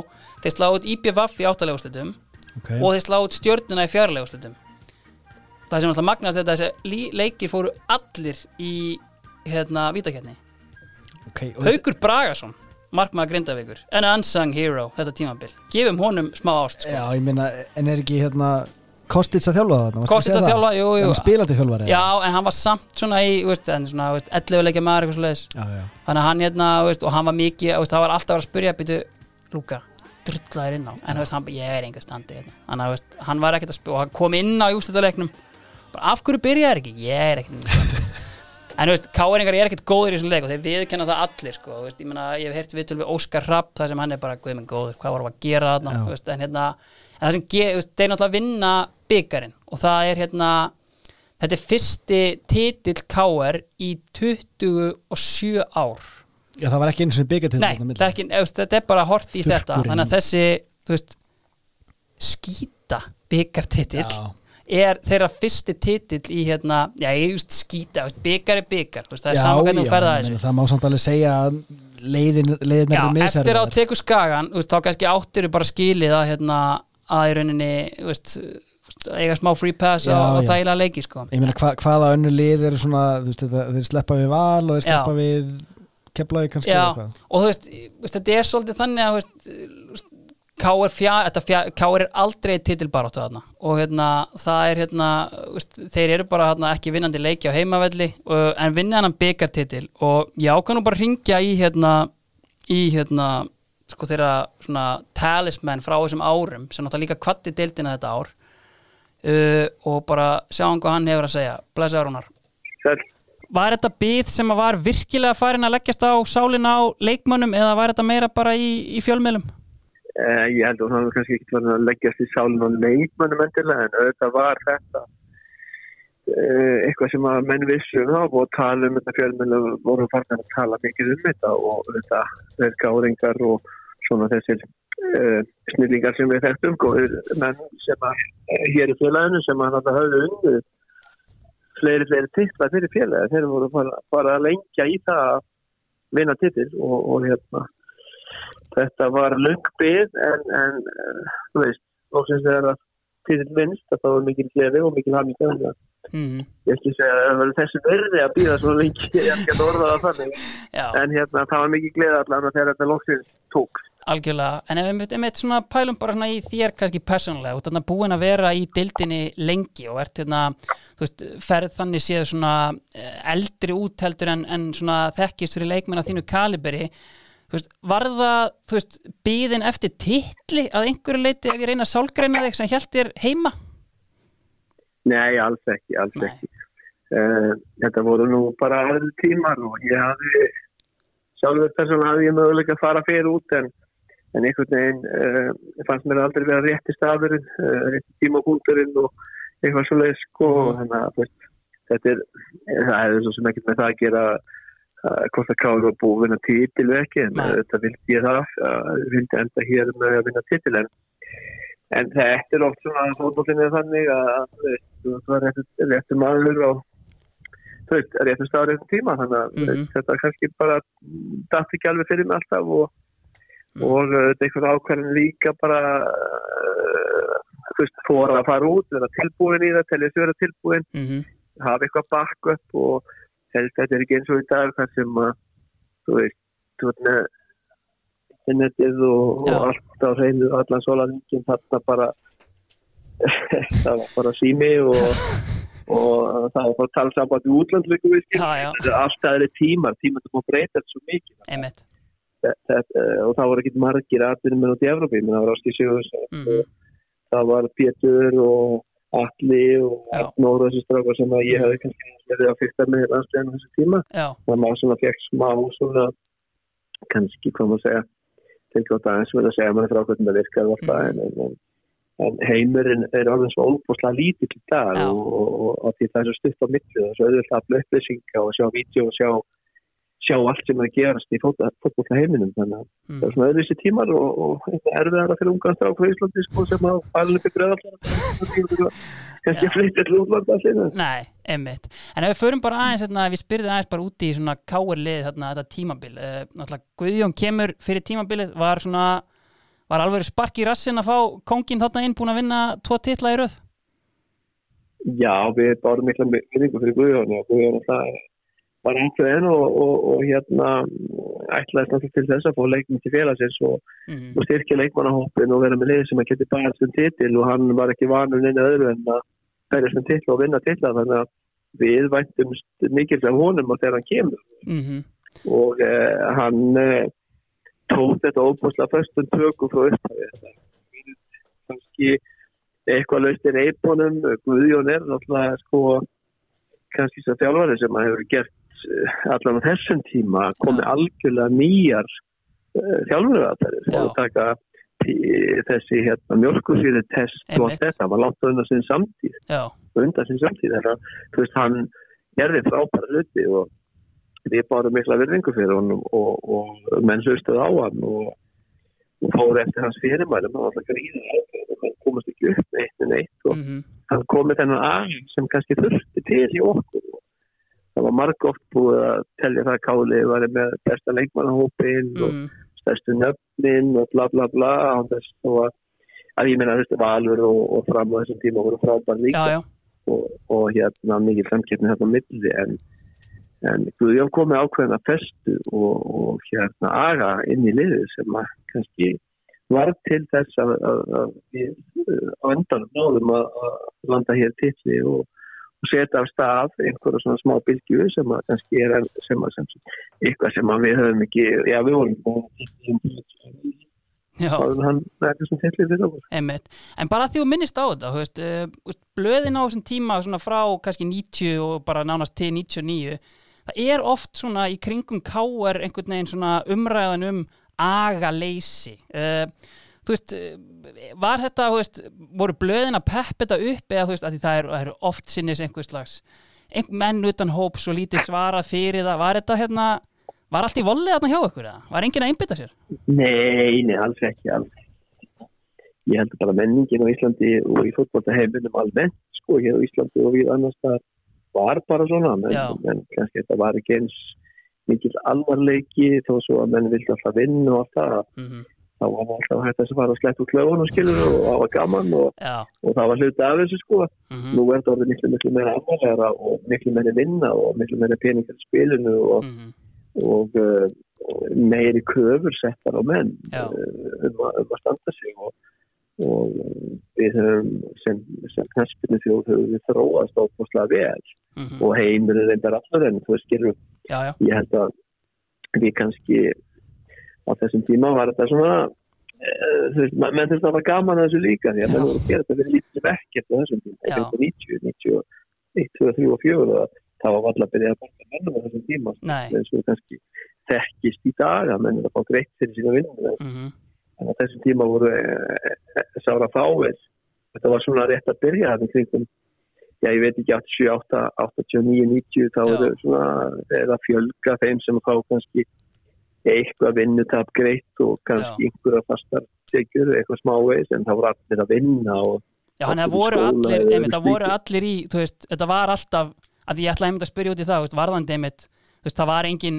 fullur atvinnumæður, skilur, þú veist, eða hvað? Nei, það var engin, engin leikmaður Nei, á, á þessum tíma og, og hérna kannski þú veist 88, 9, 90 er þetta að byrja aðeins einn og einn svona að fá aðeins með aðrir en já, ég held að flest allir hefðu og þurftu á því að halda að í vinnu líka til að geta lifa og, og, og, og, í rauninni bara að hugsa meira sem vinnu tap í rauninni Já. að greiða mönnum eitthvað þannig að það getur kannski hægt aðeins fyrir daginn unni stitt- unni stittir í vinnuvíku eitthvað slíkt og, þegar það var leikdagur að menn getur kannski hægt um þú veist hátegi eða einhver eða fjö- þú veist þrjú, fjögur einmitt. þannig að Algjörlega. En það er einmitt svona að við höldum áfram með bara akkurat þetta tímabil, veist, eh, kannski eitthvað sem að hefur aðeins verið hérna núna undanfæri hjá leðinu þínu núna í K.R. að það, þú veist, þið vinnið ekki heimaleik frá júni 93 til júli 94. Uh, voru einhverja sérstakar skýringar á þessu sem að þér dettur í huga eða veist, var þetta bara tilviljun eða? Nei, þú ert bara að segja mér fréttir sko, ég, ég man ekki eftir þessu sko, þetta er langt síðan en, en nei, neður þetta koma bara svona tímabil sem að þetta gangi upp og, og því fleiri leikir sem að þetta verður þetta þú vinnur ekki, þú komið til á fjóra leikir röða, sko, eða fjóra, fimm. Mm þá fara menn svona, þú veist að missa þess trú, getur hvað er í gangi hérna. -hmm.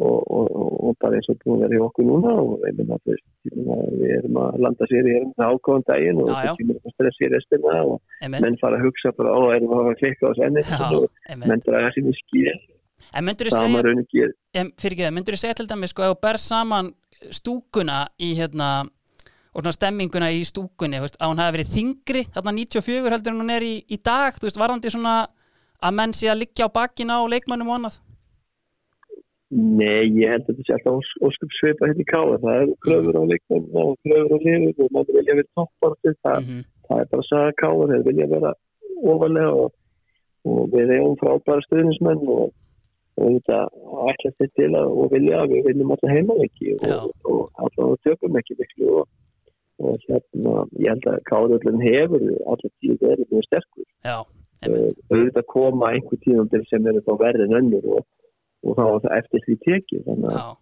ég meina 2019 þá tökum við ekki allt nei. tíma sísum og, og það er eitthvað sem að við viljum reyn- reynda að hafa hér á heimavalli alltaf Mhm. öll ár og ég held að það sé á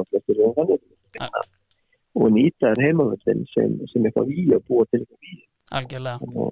Herru, uh, tvær spurningar í viðbót. Uh, sko, komin á þann ótrúlegur leikmannahópur og hérna bara rétt fyrir móti 94 þá náttúrulega mætir það sem átti að vera kannski hérna kirsubyrða á kökuna James Bett, uh, HM farin og annað þetta svakaleg gæði en einhver umræða um svona hann hafi svona hans leikstíl eða einhvern veginn svona ekki alveg fallið inn í kannski þann mekanisma sem var til staðar inn á miðsöðinu hjá KR á þeim tíma uh, getur það einhver leiti tekið undir þetta?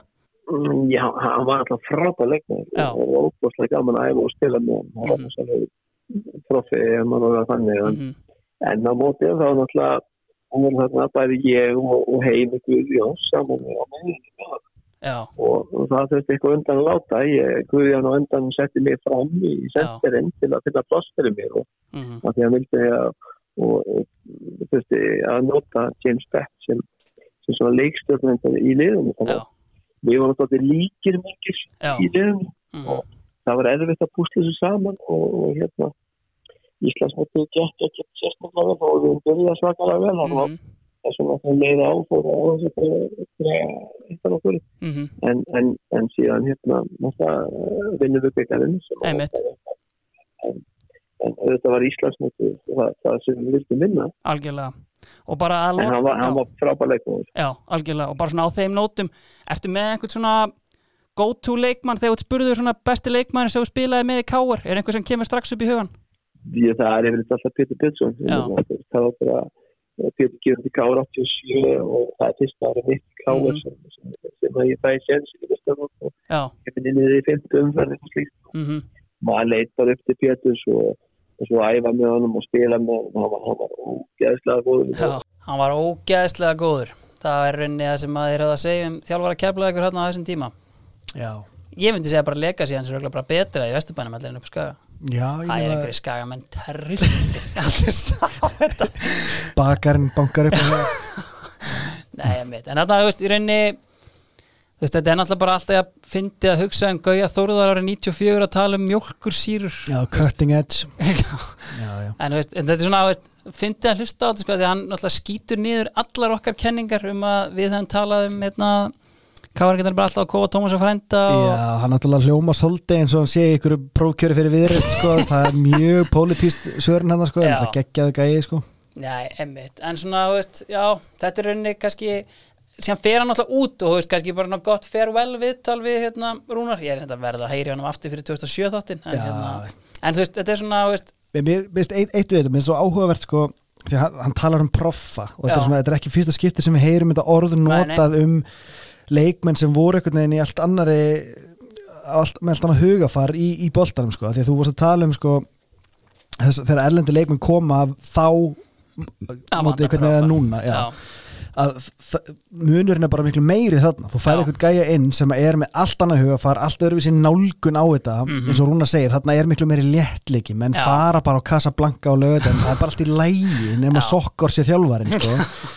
og hérna, þannig að svona, já, svona meiri, meiri munur, þannig að núna Já. færði inn eitthvað proffa, profi player Já. eins og Soran tala alltaf um í leikni já, og það er bara ekki hérna, já, þú veist, það, það er bara miklu meiri munur, núna koma þeir inn í umhverfi sem að þeir þekkja bara því að það er allir komnið með svo pró umhverfi Mm. já, sko. sem Þannig að- náttúrulega er náttúrulega með leikmannasamtökin, já, fórsetan þar, þannig að það er það er alltaf öðruvísi Herri, uh, stiðið með þetta leikmannasamtökin, fórsetin frábær og Já, já. allt mál. Herri, uh, ef við förum þá bara í loka umferðina, það er reynd að búa til einhverja spennu, að því að Gauja Þórðar, hann mætur upp á Skaga í, held að sé 16. umferð og það er masterclass frá Stjána Finnbúa, hann rekur rýting í sína gamlu menn og bara ver eins og berserkur í 1-2 sigri káar á Ok. Skaganum. keir upp það einn, og þarna, á þessum tíma, þeir hefur verið meistarar með að vinna hana leik já, en veist, eftir þetta, ég held að það eftir eitt stig eða eitthvað og hérna, allan að tapa þessum leik 17. umferð tap, ok. Þeir tapa fyrir Keflavík. Keflavík í Keflavík er alltaf Keflavík eins og maðurinn sagði. Og þeir tapa þarna. Og það er sem meira er sko Sverrir Þór Sverrisson landsliðsmaður í körfubólta ekki sveppi heldur hérna, bróðir Eyjóls nei, nei, nei, nei, nei ekki nei. hann, þetta er Keflíkingur já, já, já, spilaði með blöð meðal annars á, á hérna, Sauðakrúki og bara svona, Ok. en, en, en, hann er þekktari körfuboltamæður já, já. Hann er hann að spila með Keflavík og hann skora sigur markið og sko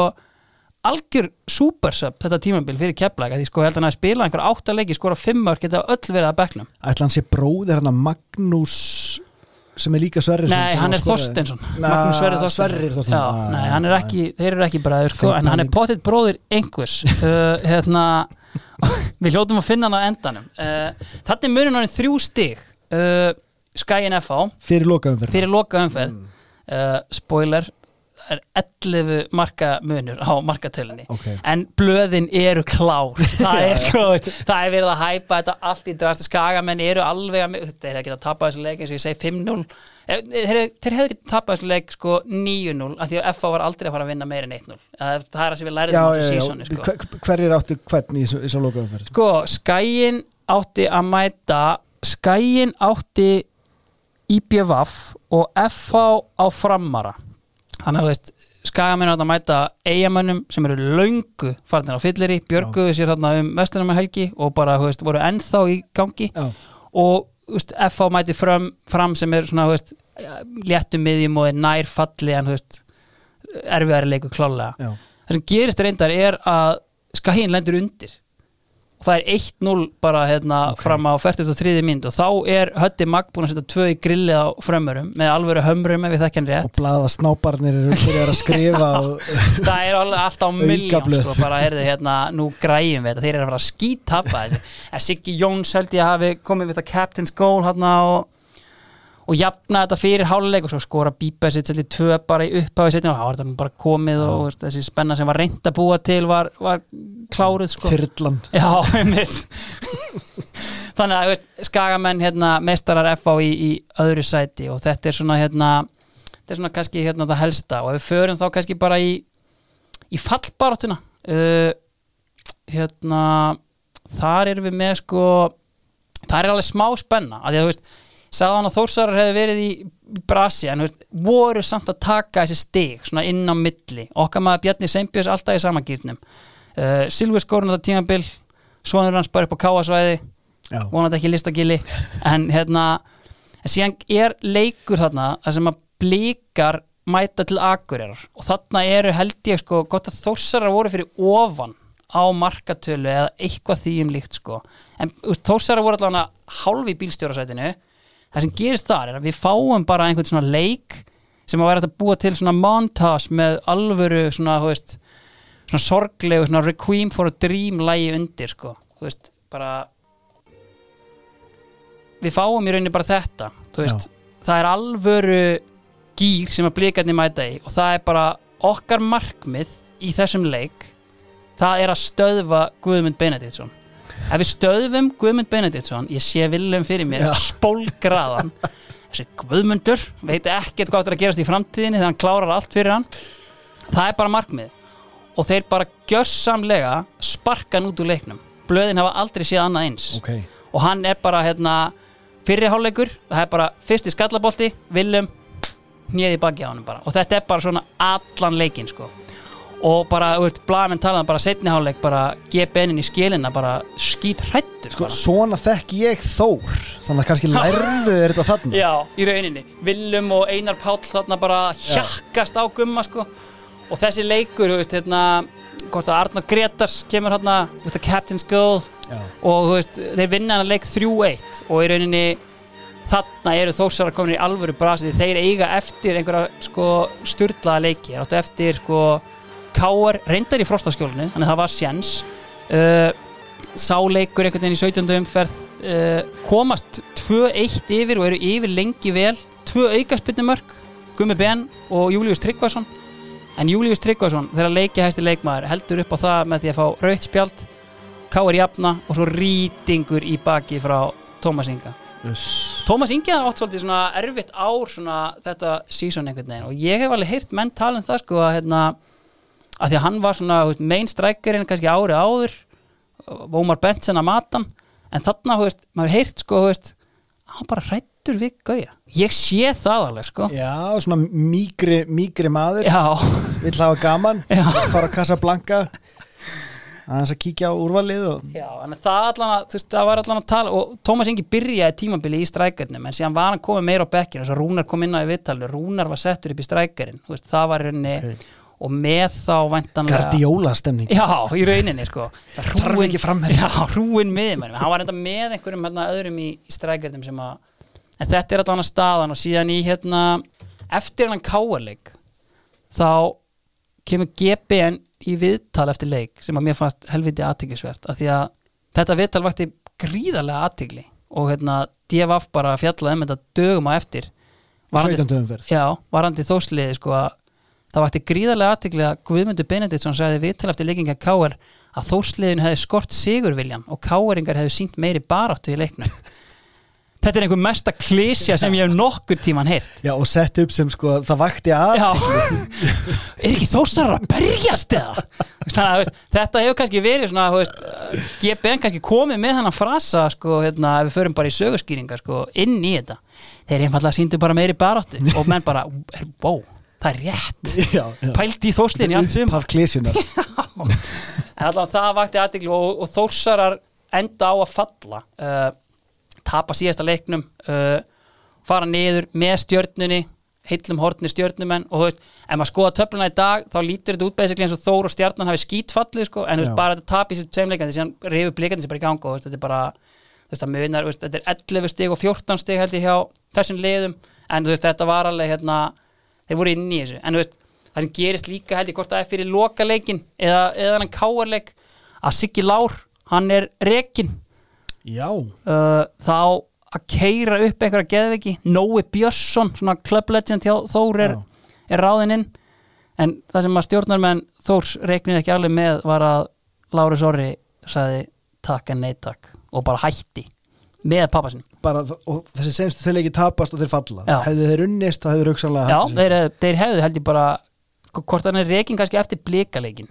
Ég verð að kalla eftir afsögn stjórnar. Já, þú veist, þetta er að, veist, þú hlýtur náttúrulega bara, Nói Björnsson, örgulega frábær fair play en, en þú veist, gæði náttúrulega, Siggi Lár búin að gera sitt og hérna, þetta var hérna, ætla hann að missa Láris Orra í allavega síðan sko, einum frekar en tveimur leikjum og hann fyrir bara hérna síðan fyrir hann eftir þetta til stók og restið sérstöri hjá honum sko, hann, hann var í toppmálum. En eins og ég segi, þetta er líka létt Íslandsmet. Uh, Birki Kristinsson er í marki Brammara og hann spila sinn 180. leik í röð í eftir deild. Vá.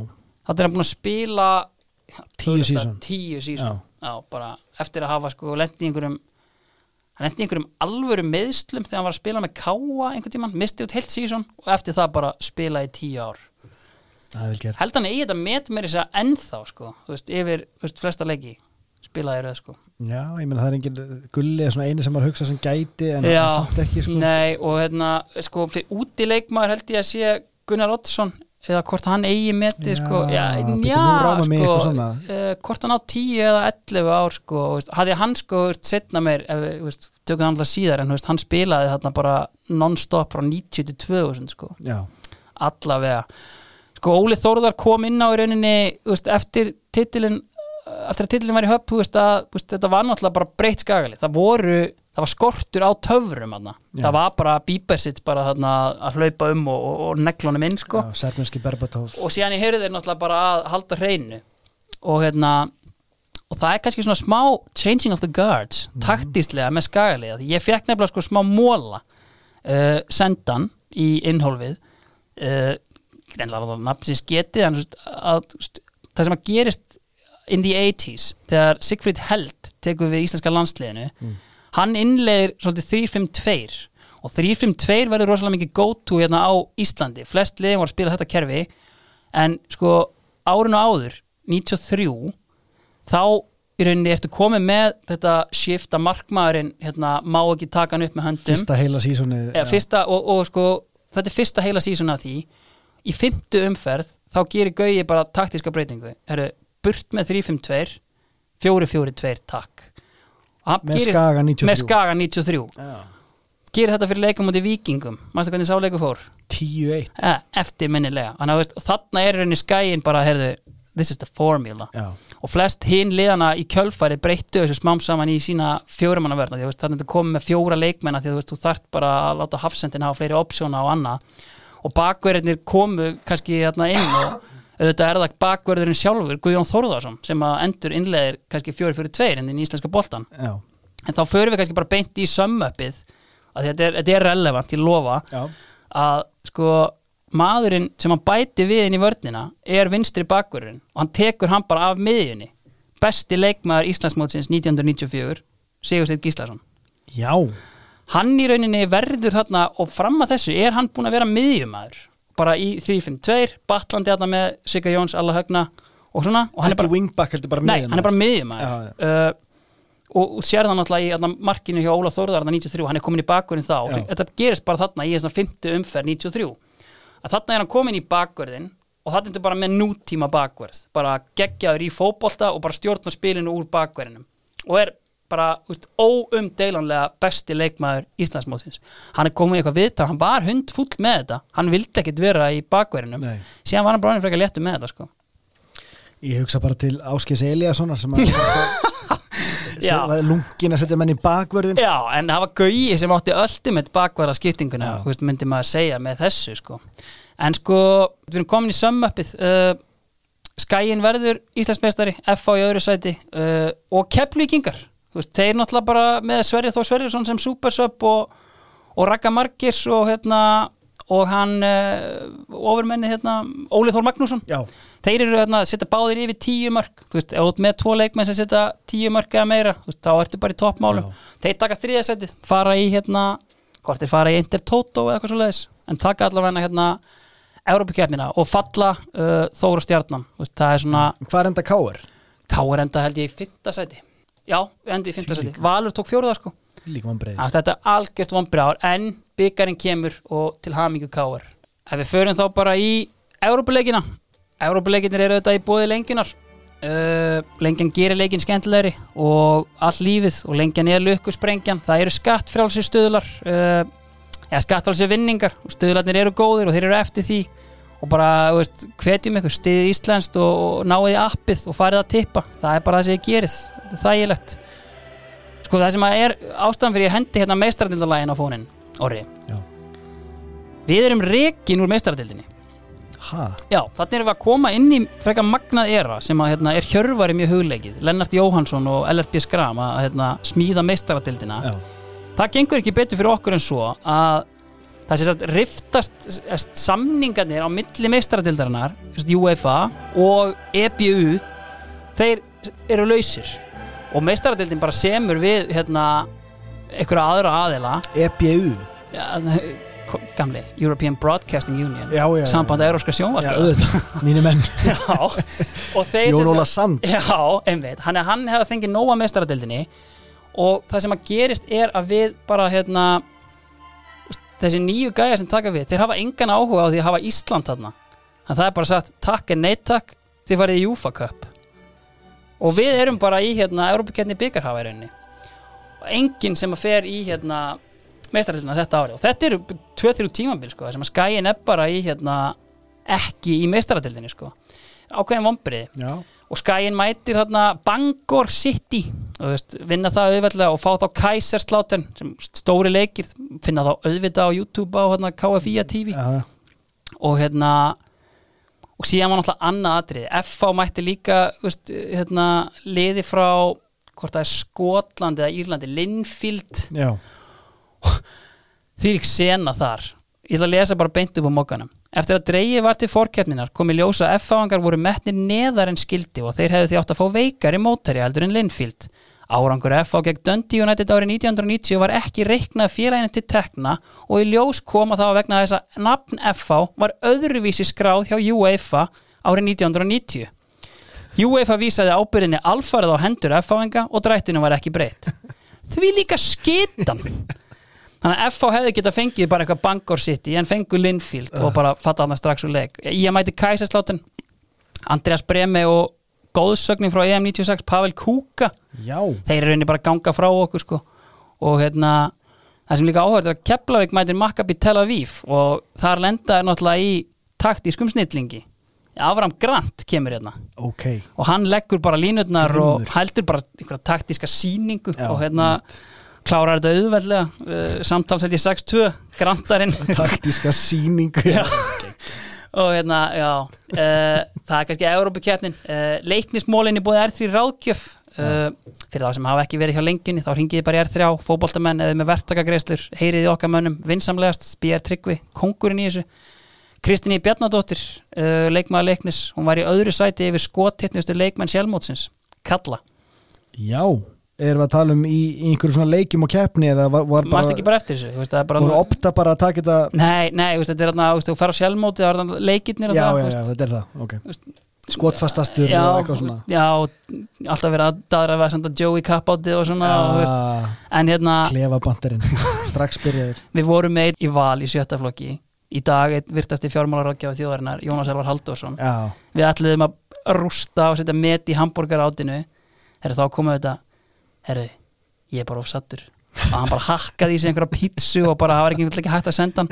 Því miður en uh, færum okkur þá bara yfir í landslið uh, landsliðsumræðan er auðvitað í bóði túle og hérna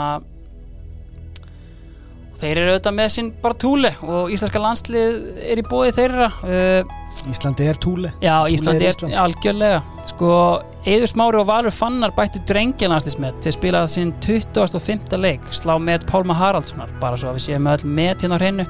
Það sem ég myndi segja að væri stæst í þessu fyrir landslið er að við fengum hann að glugga til að komast á HM 94 að því að rússar voru búin að skila inn einhverjum lokahóp og hann innihjælt það sem að úkrænumenn vildu meina að væri úkrænumenn hér fengum við einhvern, ég veit ekki hvaða blaðamaður DFF pikkar þetta upp en bara Vá. Ísland á HM spurningamerki. Í alvörunni? Að þeir bara, þú veist, úkrænumennir voru bara þar að þeir ætluðu að hérna ég verð að byrja þetta upp nýtt. Hvað, veist, hvaða skýta lag er þetta? Hvað er þetta samt? Ég ætlaði að fá hérna, þetta var bara langt intro. Já, já, allavega, herru, höldum bara áfram. Herru, uh, sko það er klukkin okkar. Við, Deva hringdi síðan bara í hérna fórsetta FIFA. No, no, no, no, no, no, no, no. Ekki að ræða það sko. Þannig að það var hérna, það fór mjög snemma sá draumi sko, því við höfum sett verið með rússum í riðli hérna, í undakefni og það átti bara að senda þá leik og, og okkur á já, technicality. Við erum svolítið í því að hérna, við duttum einhvern sturlaðan díl við, hérna, við Araba Sáti Arabi og saminuð Arabískin þeir elskuð okkur og hérna, þeir komið og spila einhver leiki og við vorum að fara út og, og síðan vildu þeir bara fá okkur bara, hérna, eins og hérna, Jóngnar hérna, í, í fósbræðurum sko. maður farið til Kína í æfingabúður og við þar í tvö ár með botsíalansliði og bóðið einhverja tíu daga ferð bara einhverja top facilities.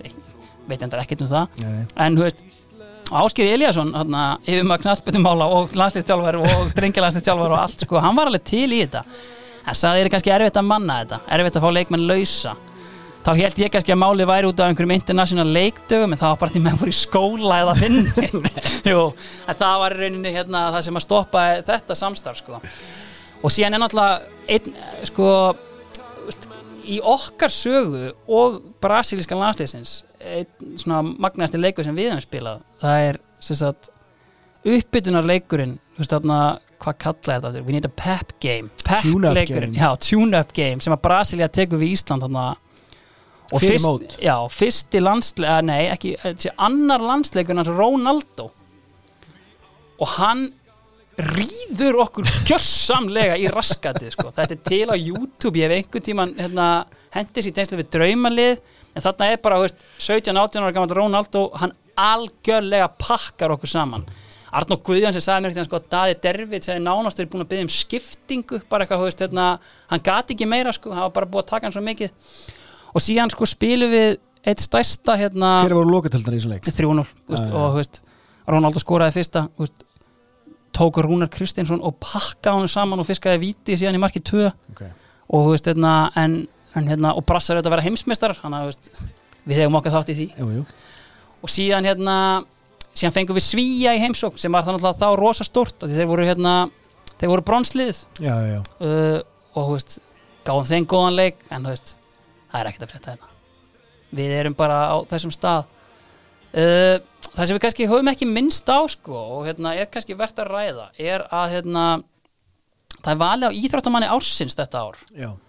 sko við vorum með íþróttamann sem að var Íslandsmeistari í körfubolta byggarmeistari í körfubolta Íslandsmeistari í fótbolta og byggarmeistari í fótbolta langmarkaðasti leikmaður mótsins í fótbolta örglega raðað inn punktum líka í körfunni Já, já. Íþróttamæður ársins er aerobik álfurinn Magnús Skeving. Ég ætla að leiða ykkur bara hlustendum aðeins að heyra hvað Magnús Skeving er að gera í sinni íþrótt.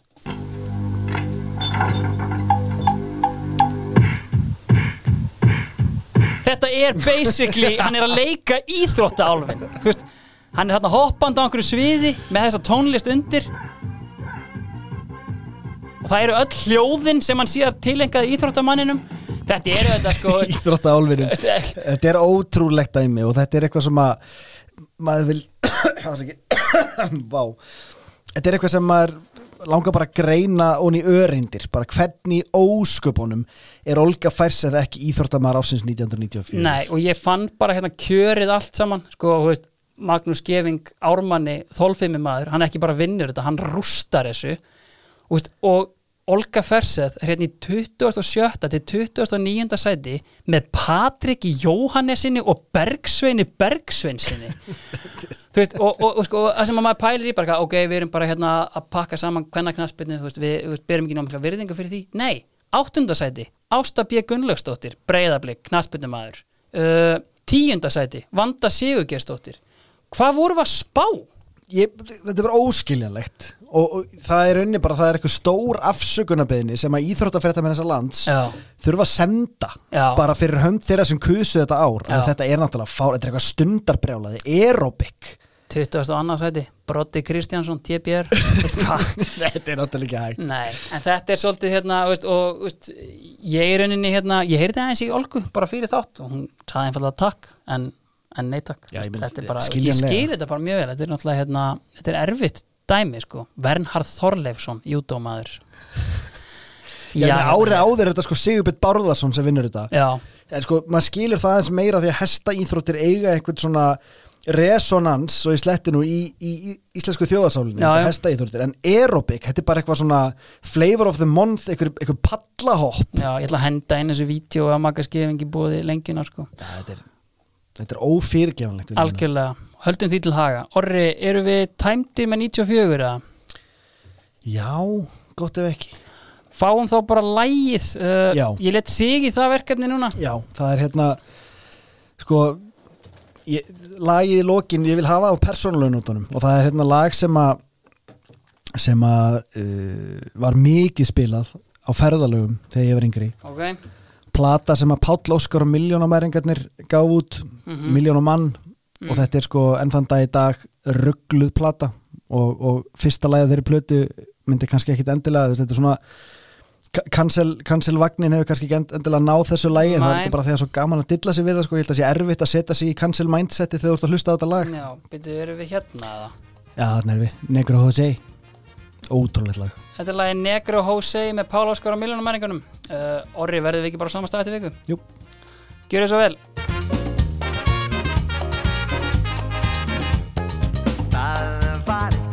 sem gat ekki sitt ekki Átt og drakk og reykt og dansaði en andri fyrr Gammal katt sem get á spænsku negro og sé Amigo negro og sé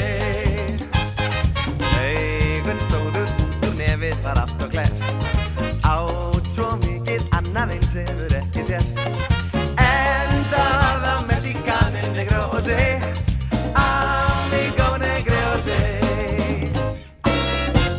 Dan sang de Mexicano el negro José. Oye, negro. Eres diablo, pero amigo negro José. Pablo negro. Tu futuro van conmigo negro José. Yo te digo porque sé, porque sé.